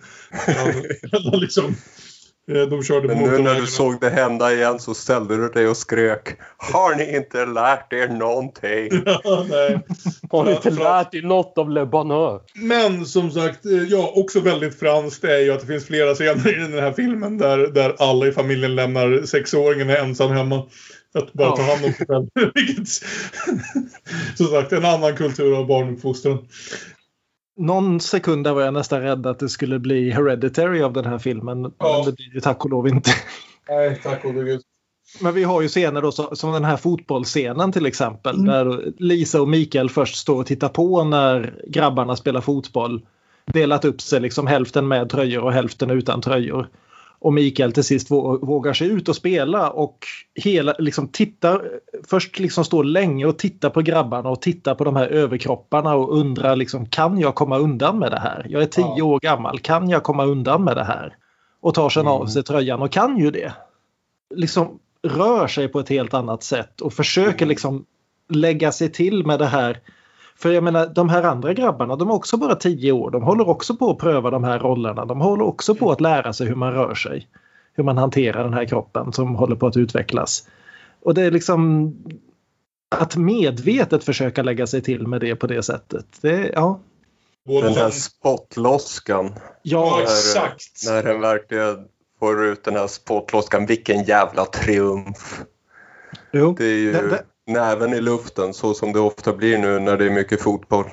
Där, där tänker jag på den här gamla eh, amerikanska komedin med Steve Martin och eh, Lily Tomlin där de Ja. byter kropp med varandra. All of me. All of me, precis. Mm. Och Steve Martin då ska spela Lily Tomlin som spelar Steve Martin. Och det, det enda hon kan komma på att göra när hon är en manskropp det är att kränga ordentligt med överkroppen och spotta mellan var tredje ord. Sen kan vi lägga in en referens här till dårfinkar och dönickar också så har vi det avklarat. För eh, det blir ju en liten kärlekshistoria naturligtvis då mellan Lisa och Mikael. För Lisa tycker att den här nya killen som har dykt upp är jättespännande. Och sen så liksom fortgår det här ett tag och egentligen är det inte så mycket utvecklingar utan vi ser hur Mikael tar steg för steg in i det här samtidigt som vi börjar... Ja, Det blir ju ett problem här med fotbollen sen när det handlar om att stå och kissa vid sidan om. Precis.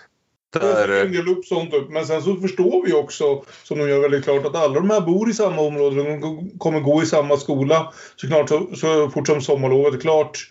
Så han måste ju inse någonstans att det här kommer skitas inom kort. Att någonting kommer... Det här kommer inte hålla vägen ut så att säga. Det här är inte en, en lögn. Och jag förstår att man som tioåring inte planerar så långt fram. Att det här var något som hände mer spontant än som någon slags stor plan.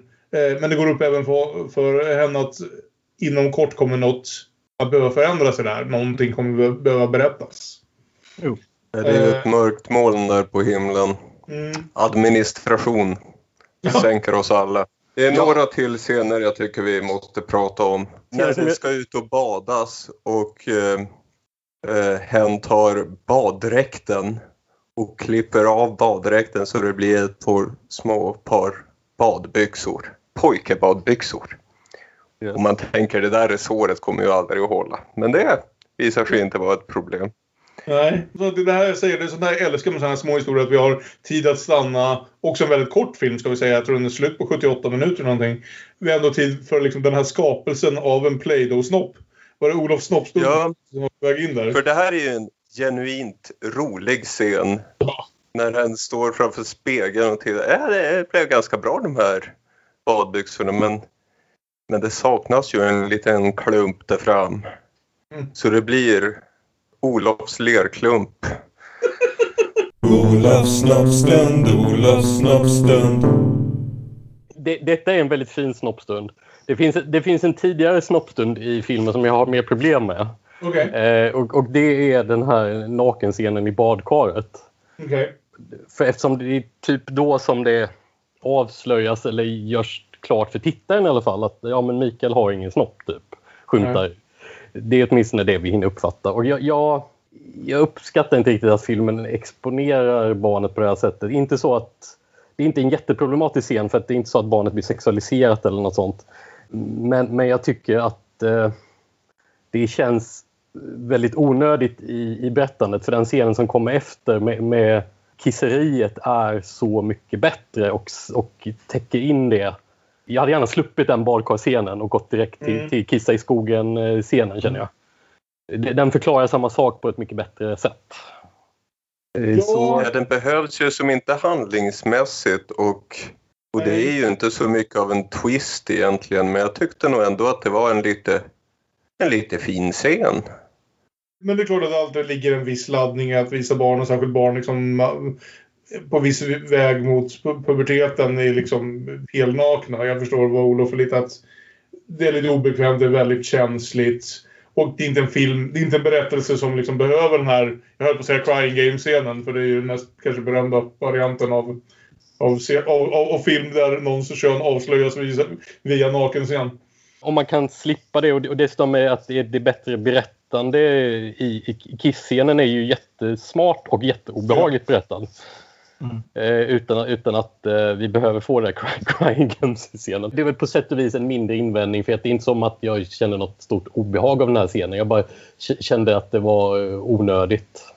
Jag, Nej, jag tror, kände ju lite det här är tunn is, hur ska vi hantera det här? ja, Men jag tyckte filmen ändå gjorde det med eh, den äran.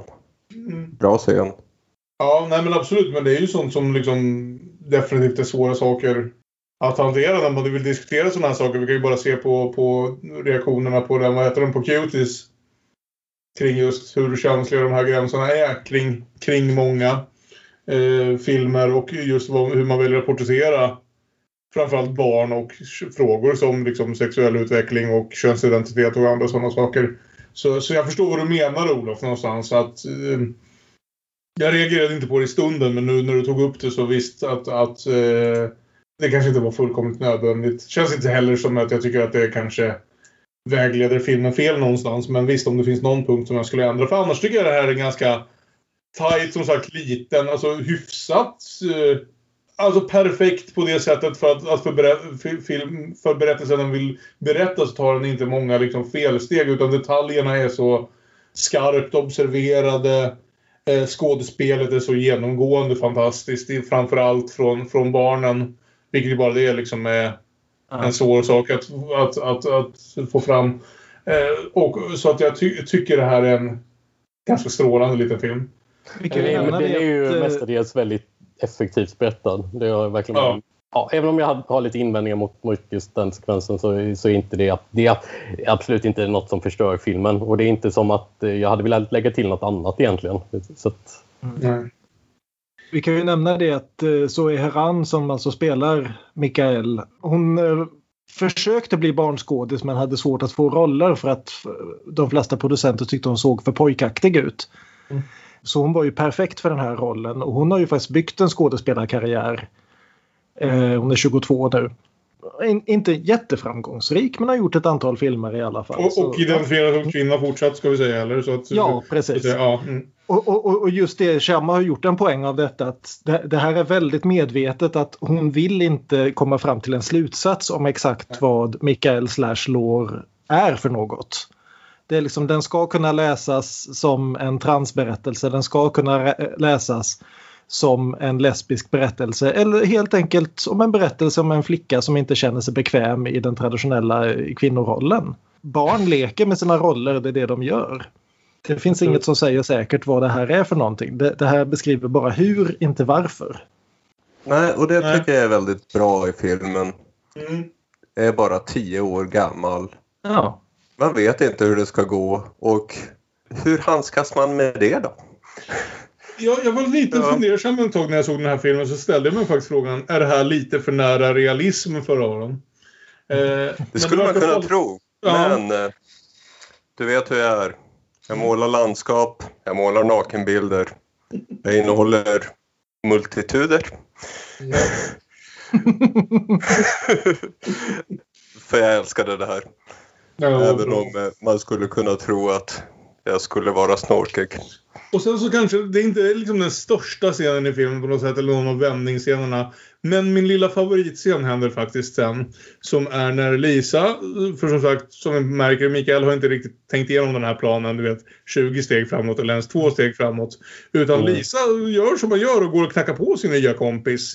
Eh, varpå, vad heter det, lilla syster öppnar för hon är ensam hemma, för det är man som sexåring i Frankrike, lär oss av den här filmen jag älskar det här ögonblicket när de får en sexåring att skådespela insikten. Ja. Eh, vad det är som pågår och att hon direkt ställer upp och liksom ljuger för sin, för sin ja, stora syster rent. att det går upp ett ljus för, för den här sexåringen. Ja. Nu, har, nu, har, nu har Mikael gjort något, eh, något fel här. Jag fattar inte riktigt vad, men det är nog bäst att jag, att jag, att, att jag skyddar honom. Liksom.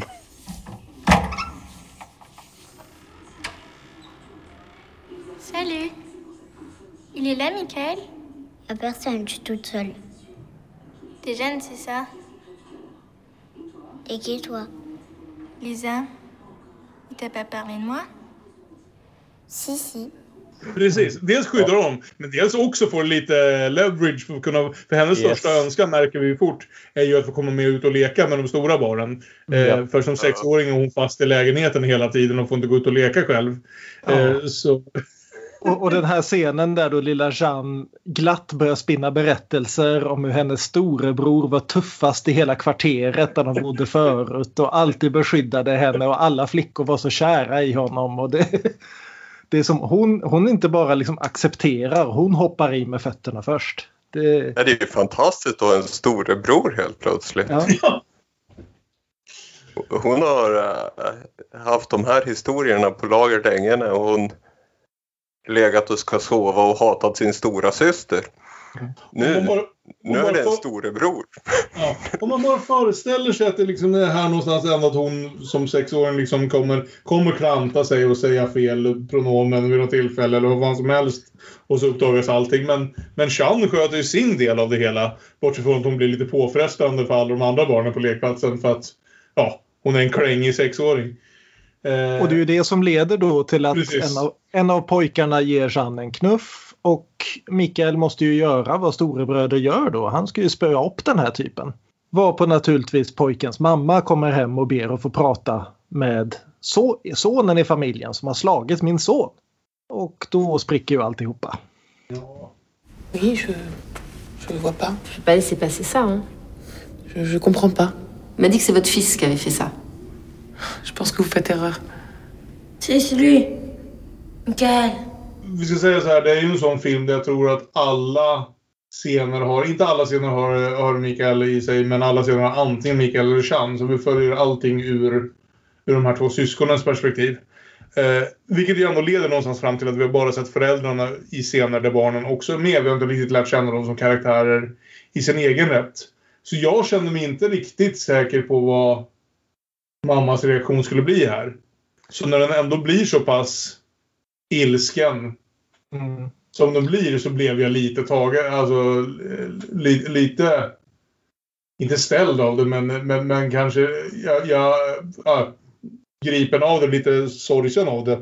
Ja. För eh, då, då blir det ord och inga visor av det här. Det är inte den mest förlåtande synen på det som Nej, har skett här.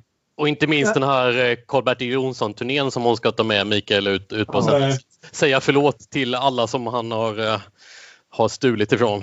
På säga. Ja. Men, eh, Det, ja, exakt, exakt. Stulit liksom sin sanna könsidentitet ifrån. yes. ljugit för. Men och, och jag, jag tycker det är så intressant just det här därför att man dels det här att Shamma får oss verkligen att i, i bör, mamman håller ju masken så länge den andra familjen är hos dem Mm. Och säger ingenting. Nej. Sen blir hon väldigt upprörd och det är dagen efter som hon då tvingar sin förstfödde att ta på sig en klänning och gå runt till alla de här familjerna och förklara att är minsann en flicka och inget annat. Och, och, Vi får ju och- inte liksom- se någonting att hon försökte prata med eh, Nej, det är bara sin pappan som dotter. försöker. Vi ser hur hon pratar med pappan och sen dagen efter har eh, mamman tydligen bestämt att det här är bästa planen. Ja. Dra på en klänning. Nu ska vi göra Karl-Bertil Jonsson-turné. Och jag, och, och, beskrivet. och jag, jag vill bara spela in det att jag, det, jag tänkte mig Alltså som en del av min tolkning att det här har hänt förut att mamman har redan haft det här samtalet flera gånger och orkar inte liksom det är ingen idé. Nu, nu, nu går vi ut och bara kör det här. Det är ingen idé att prata om det här mer. Så. Nej, jag tänker att det här är en första reaktion. Först eh, arg och eh, det är bara fel. Men sen också tycka att när du håller på att bli vuxen, vi måste lära dig vad sanning och lögn är. Ja. För eh, hon tänker inte att det kan vara något utforskande av könsidentitet. Hon tänker sanning och lögn. Men jag tror inte att det är första gången som Mikael utforskar sin könsidentitet. Jag tror det är första gången mamman får reda på det.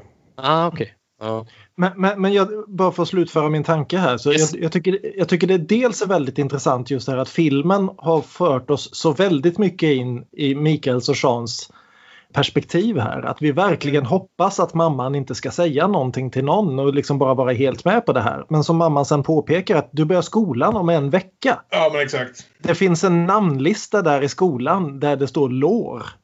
Hur, hur hade du tänkt att det här skulle lösas? Ja, Hon nej. har, ju, hon har ju en poäng, även om hon tacklade på helt uppåt väggarna galet sätt så har hon en poäng att det här kan inte hålla. Nej. Men, men Ja, också det jag är här... väldigt bra. Mm. Hur hon Men- har men- poängen. Men, men, men också de här scenerna då där vi får gång på gång att mamman och kompisens mamma sitter ute i köket och pratar medan Mikael slash Lår står ensam och hör dem med sin före detta kompis i tyst, obekväm tystnad och hör dem mumla bakom dörren. Det här är, det här är för fan Snobben-filmerna. Ja, där de vuxna Där- där- saker över huvudet på- barnen som vi inte bara hör, hör någon slags mummel av. Ja. Exakt, där man bara hör vuxnas röster som mummel och där man aldrig ser vuxna ovanför knäna. Därför att barnen, barnen lever i en annan värld skild från dem. Och här får vi också den här hjärtekrossande scenen när Lisa, som, man, eh, eller som, som Mikael är lite kär i och har pussats lite med, kommer in och bara tittar. Och liksom omvärderar hela den här personen som, tror, som Lisa tror att hon har känt i några veckor. Och sen går därifrån helt tyst, liksom inte ett ord sägs. Utan det verkligen bara eh, tittar honom uh, upp och ner. Och bestämmer sig för att gå därifrån. För att det är klart att det är en chockerande liksom, insikt. För någon som också tror säkert att de har gått och fått liksom en första ungdomsförälskelse. Mm. Och den scenen är jävligt... Nej, den kändes som fan. Och, och sen den här nå- något mer förutsägbara kanske men ändå väldigt drabbande scenen där då hela grabbgänget får syn på Mikael som har sprungit ut i skogen för att vara för sig själv. Och bestämmer sig att vi måste ta reda på exakt hur det, vad, vad situationen är mellan benen på dig. Mm. Och den, den enda som får kliva fram och göra det är ju Lisa då. Med argumentet att men herregud ni har ju pussats. Det är ju jätteäckligt om du har pussat en tjej. Eh, Finns det, en, finns det en problematisk sida i det här att, att eh, Mikael och Lisa är de enda två liksom vita barnen i det här och alla de här pådrivande grabbarna som är med allihopa av annan etnicitet? Jag vet inte, jag funderade lite på det. För de andra i kompisgänget ges ju inte sådär väldigt mycket dimensioner. Var alla andra barnen Här icke-vita? på slutet i alla fall. Nej, inte alla. Det, det, majoriteten av dem är det därför att det, det är en fransk förort. Jo, ja, naturligtvis. Men, men vi ska säga det också att de här barnen är alltså castade därför att de är faktiskt så Erans kompisar. Okej.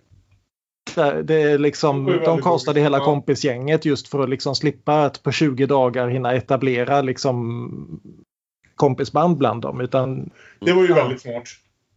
Jag tänkte nog inte på det som något problematiskt. Jag funderade på det. Jag tyckte inte riktigt det liksom uppnådde gränsen av det. För det är inte som att det är att, en, att filmen ställer sig att det här är de dåliga barnen som inte accepterar det här direkt. Utan det kommer en massa jobbiga liksom, anklagelser. För så är det inte riktigt heller. Jag, men jag, jag, jag hade någon fundering där kring om det såg, om det såg lite illa ut. Men, men eh, nu har vi dels fått en vettig förklaring på det och... eh, Men Eh, Möjligen att jag skulle reagera på det på en omtitt men det var inget jag tänkte alls på här vid första titeln men då- kan jag säga. Men det är ju en väldigt fin och hemsk och barnslig scen hur de får vara så barnsliga.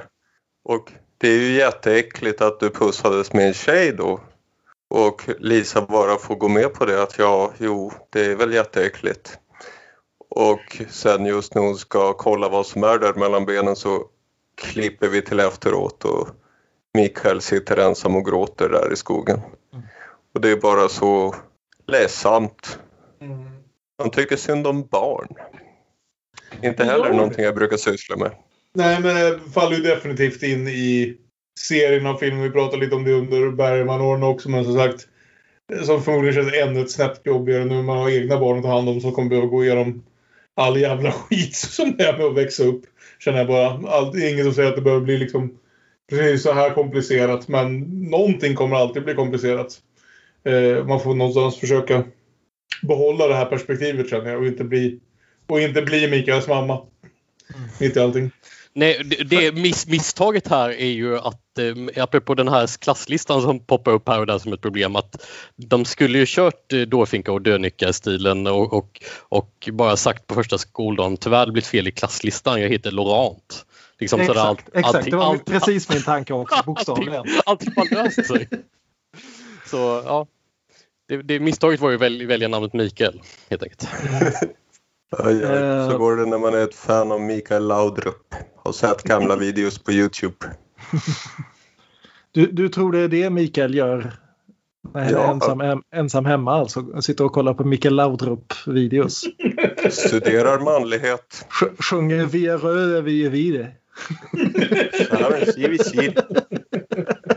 För om vi verkligen inte hatade mamman tillräckligt så har vi den här slutscenen då där det är två veckor senare mamma har fått sin bebis. Och ligger och, bägge stora syskonen tycker det, ungen är jättesöt.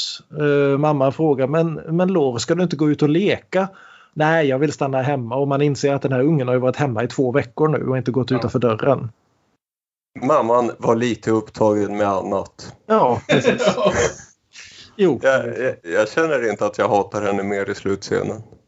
Nej, nej hata, är hata är svårt sagt men eh, hon framstår inte som ännu bättre direkt. Eh, jag har men, lite förlåtit henne. ja, men nere på gården står ju Lisa ändå. Mm. Och stora syskonet vågar sig ju ner på går- gården ändå till slut. Och Lisa väljer att helt enkelt säga hej jag heter Lisa, vad heter du? Comment tu t'appelles Je m'appelle Laure. Hon svarar jag heter Lår. För att, Och också med den franska uppbyggnaden hur man säger saker så blir det jag kallar mig lår. Mm. Je m'appelle. Jättebra poäng. m'appelle. Ja, det är faktiskt jätteintressant. Ja. Det, det är någonting med franskan där. Ja. Men, men det blir också intressant med det som slutscen för att det är inte som att det är på något sätt ett lyckligt slut att, att han helt plötsligt presenterar sig som den den faktiskt är. Utan det tragiska är ju att slutet blir att den tvingas tillbaka in i, sin, den identitet som har lagts på honom av världen. Ja, och som om det här vänskapen de har haft under sommaren inte alls har hänt i den negativa tolkningen Nej. av det. Där det positiva förstås är att Lisa säger att ja, men, kan vi inte börja om? Jag vill fortfarande vara vän med dig. Så. Ja men exakt, men det är ju, men det är ju en andra chans baserad på att Mikael återgår till den personen som han inte vill ha. Ja, kanske. Det, ja, det skulle kunna vara så. Det, det kan ju vara så att, att de, Lisa ändå öppnar upp för att kan vi inte lära känna varandra på riktigt? Kan man ju hoppas. Jo, men absolut, men med tanke på att svaret på det och svaret som hon accepterar det är att, är att den presenterar sig som lår. Så blir ju det liksom... Jo, ja, jo det, är lite, det är lite dubbelt att det är det ja, absolut. Ja, men det är jätteintressant. Det är det jag gillar med slutet också, att det är väldigt dubbelt alltihopa. Det, den löser inte upp några av alla de här frågorna som vi har ställt runt det här. Därför att ärligt talat, ungen är 10 bast och det är none of our business.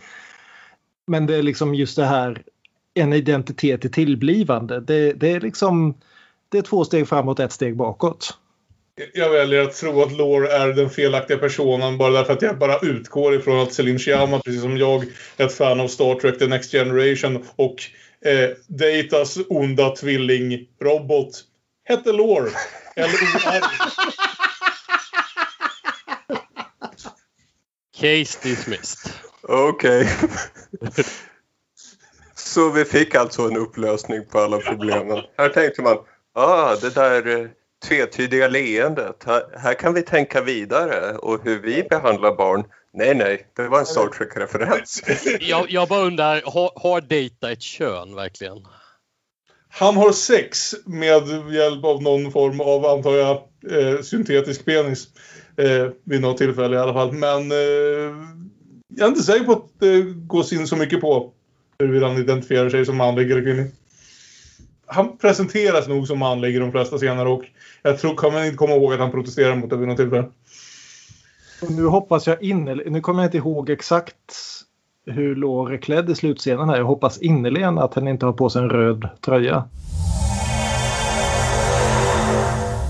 Hej, det är Kalle här ifrån redigeringen och jag tänkte bara försöka göra min bästa Ron Howard och säga Det hade hen. Ja, men det är Tomboy som ju ändå är liksom en ganska kort och en ganska liksom som sagt fokuserad film så därmed går det lite snabbare att diskutera kanske än en sån här sprudlande film som Orlando som har in flera tidsåldrar och eh, väldigt mycket måste tolkas snarare än berättas direkt. För det här är ju en väldigt tydlig och liksom rakt på sak film samtidigt som den tolkningarna ligger i varför vi tror att karaktärer gör som de gör och så vidare. Så det är, det är väldigt olika filmer som ändå någonstans kommer fram till lite liknande frågor, inte minst kring allt det här om kön och manligt och kvinnligt och hur viktigt vi som liksom världen verkar tycka fortfarande att det är. Och, ja, men det är det kanske fan inte egentligen. Vi är väldigt upphängda på det här.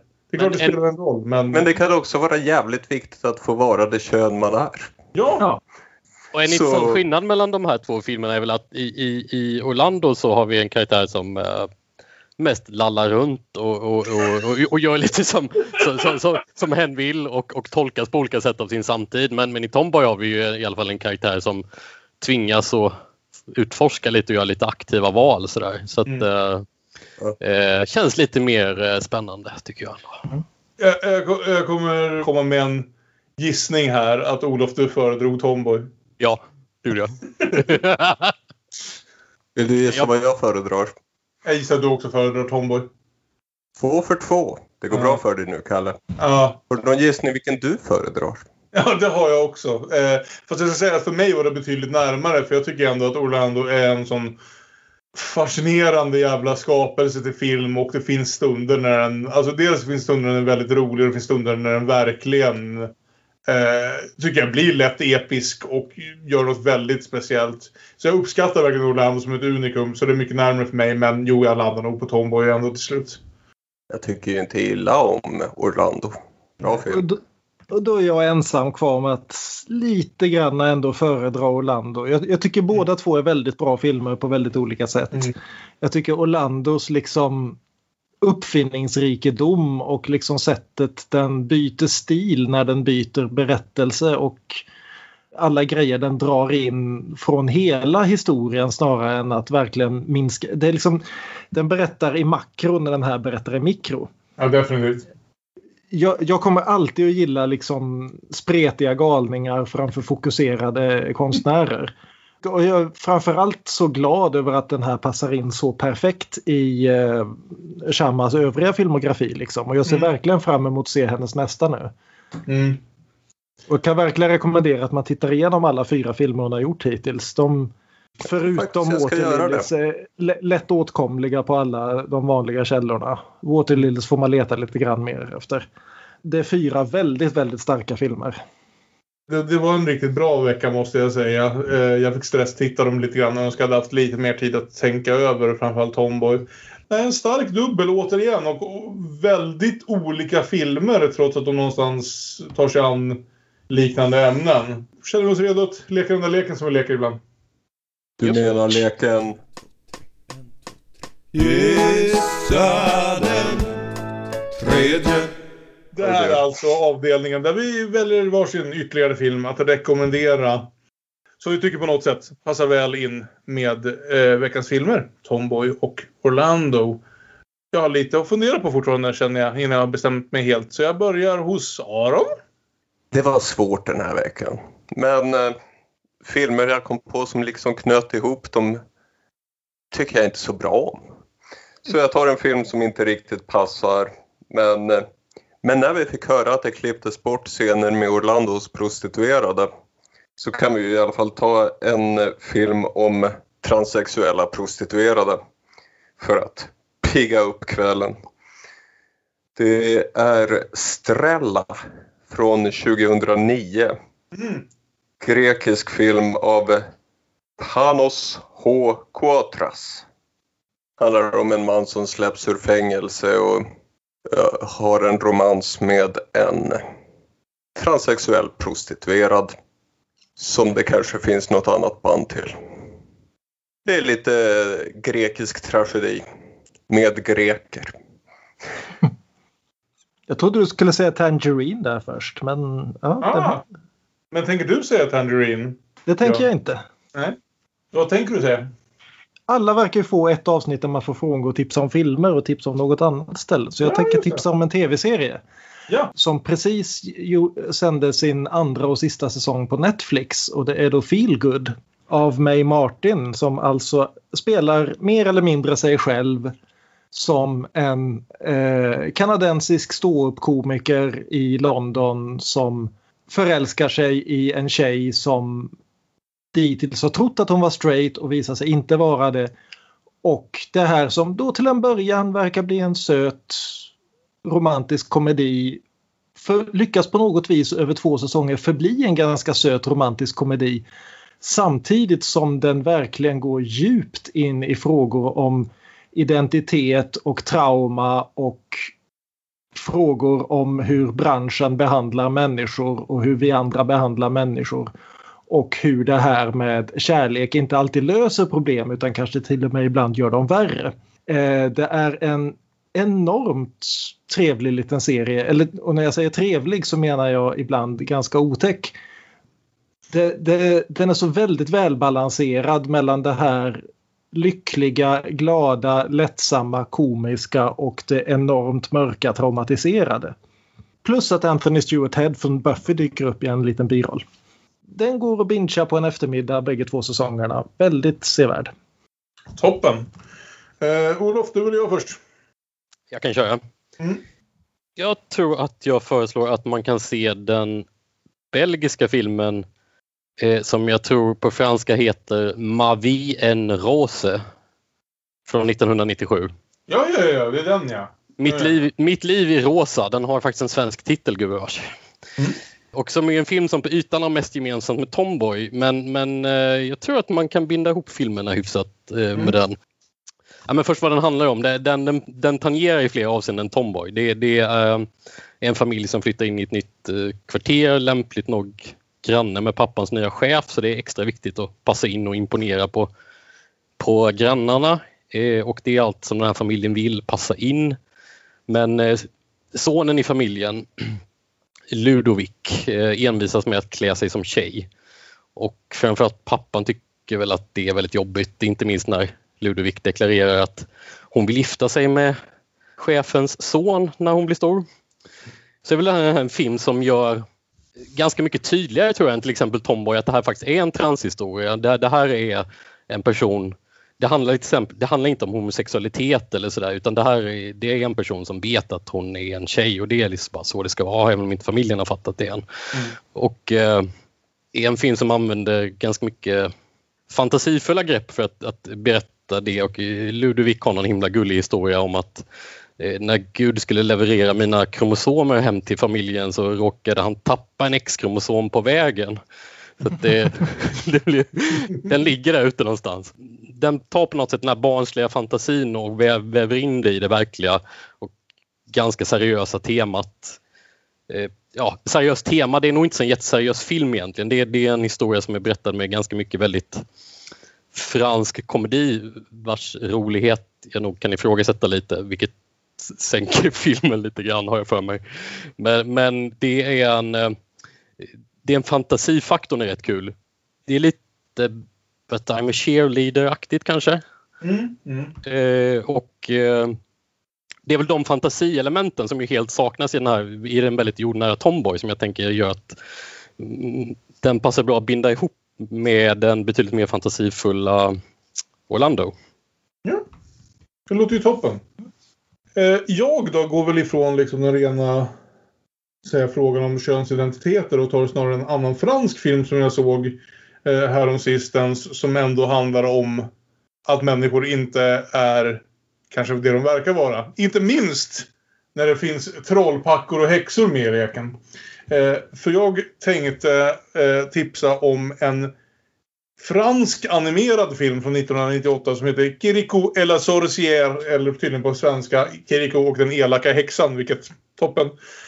Som jag tyckte var en jätterolig tecknad film som helt enkelt är ett franskt försök att på något sätt eh, omvandla västafrikanska folksagor till tecknad film. Där Kiriko eh, föds ur sin mamma, kan prata och springa direkt och 15 minuter gammal springer bort för att försöka rädda sin morbror från den elaka häxan som har förtrollat massor av folket eh, Eh, till olika typer av monster och annat. Men må det även vara så att häxan själv till att börja med är förtrollad och kanske inte var det hon verkar vara. Och det är någonstans en, en film som är rolig, som blir väldigt mycket av ett nödvändigt liksom, motställning när man behöver se väldigt mycket Disney som småbarnsförälder för stilen är väldigt annorlunda. Det är liksom lika annorlunda som när man hade genomgått 20 eller 10 år av Disney-filmer och Pixar-filmer och hittade Studio Ghibli. Eh, så känns det här som en helt egen animeringsstil. Eh, Väldigt vackert men också väldigt roligt. Nästan mer liksom slapstick än vad mycket, mycket annan tecknad film är samtidigt som den blir ett ordentligt insteg i en annan kultur. Och också väldigt mycket av de här afrikanska folksagorna som den byggs kring och så berättelsen som den byggs upp är att Ja, alltså på, på, på det bredaste planet, människor är inte det de verkar vara. Vilket i det här fallet blir väldigt bokstavligt för det har med häxor och förtrollning av personer från en sak till en annan sak eller besvärjelser eller annat. Men jag tror att man kan säga att subtexten någonstans landar lite liknande. Att vi är väldigt låsta i att se personer på det ena eller andra viset. Och eh, lämnar inte öppet för vad de faktiskt kan visa sig vara. Jag tycker bara det var en skitkul tecknad film att få in som sagt kändes som något helt annat än väldigt mycket av den tecknade film jag som förälder behöver se. Eh, så Kiriko och den elaka häxan. Det finns tydligen uppföljare, så långt har jag inte kommit än. Men eh, den tyckte jag var helmysig. Och också väldigt kortfattad, typ 70 minuter. Och nästa gång tänkte vi ta oss en titt på vad de kvinnliga filmskaparna höll på med på stumfilmstiden.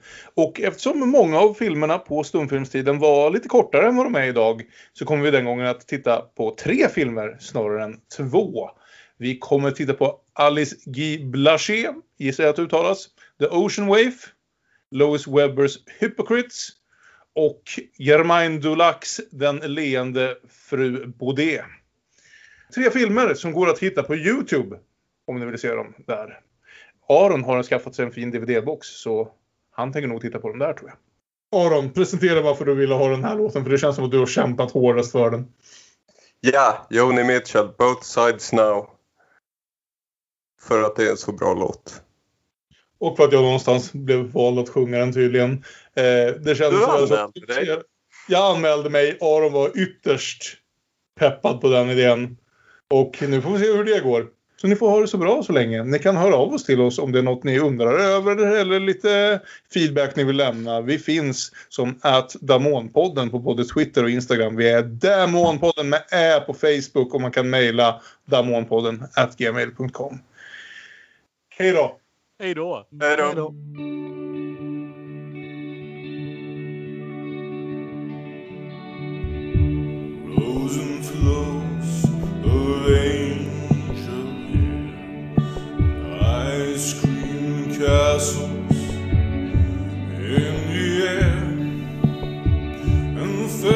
Yeah.